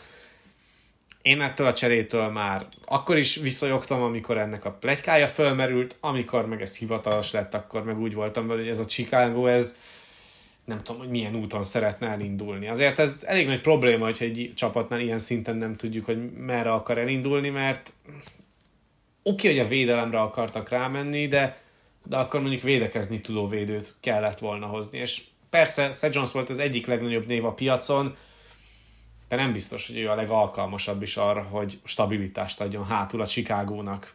Úgyhogy nálam Seth Jones Abszolút ül a, a tipp, és erre né is nagyon-nagyon kíváncsi leszek, mert hát eléggé elköteleződtek mellette már most.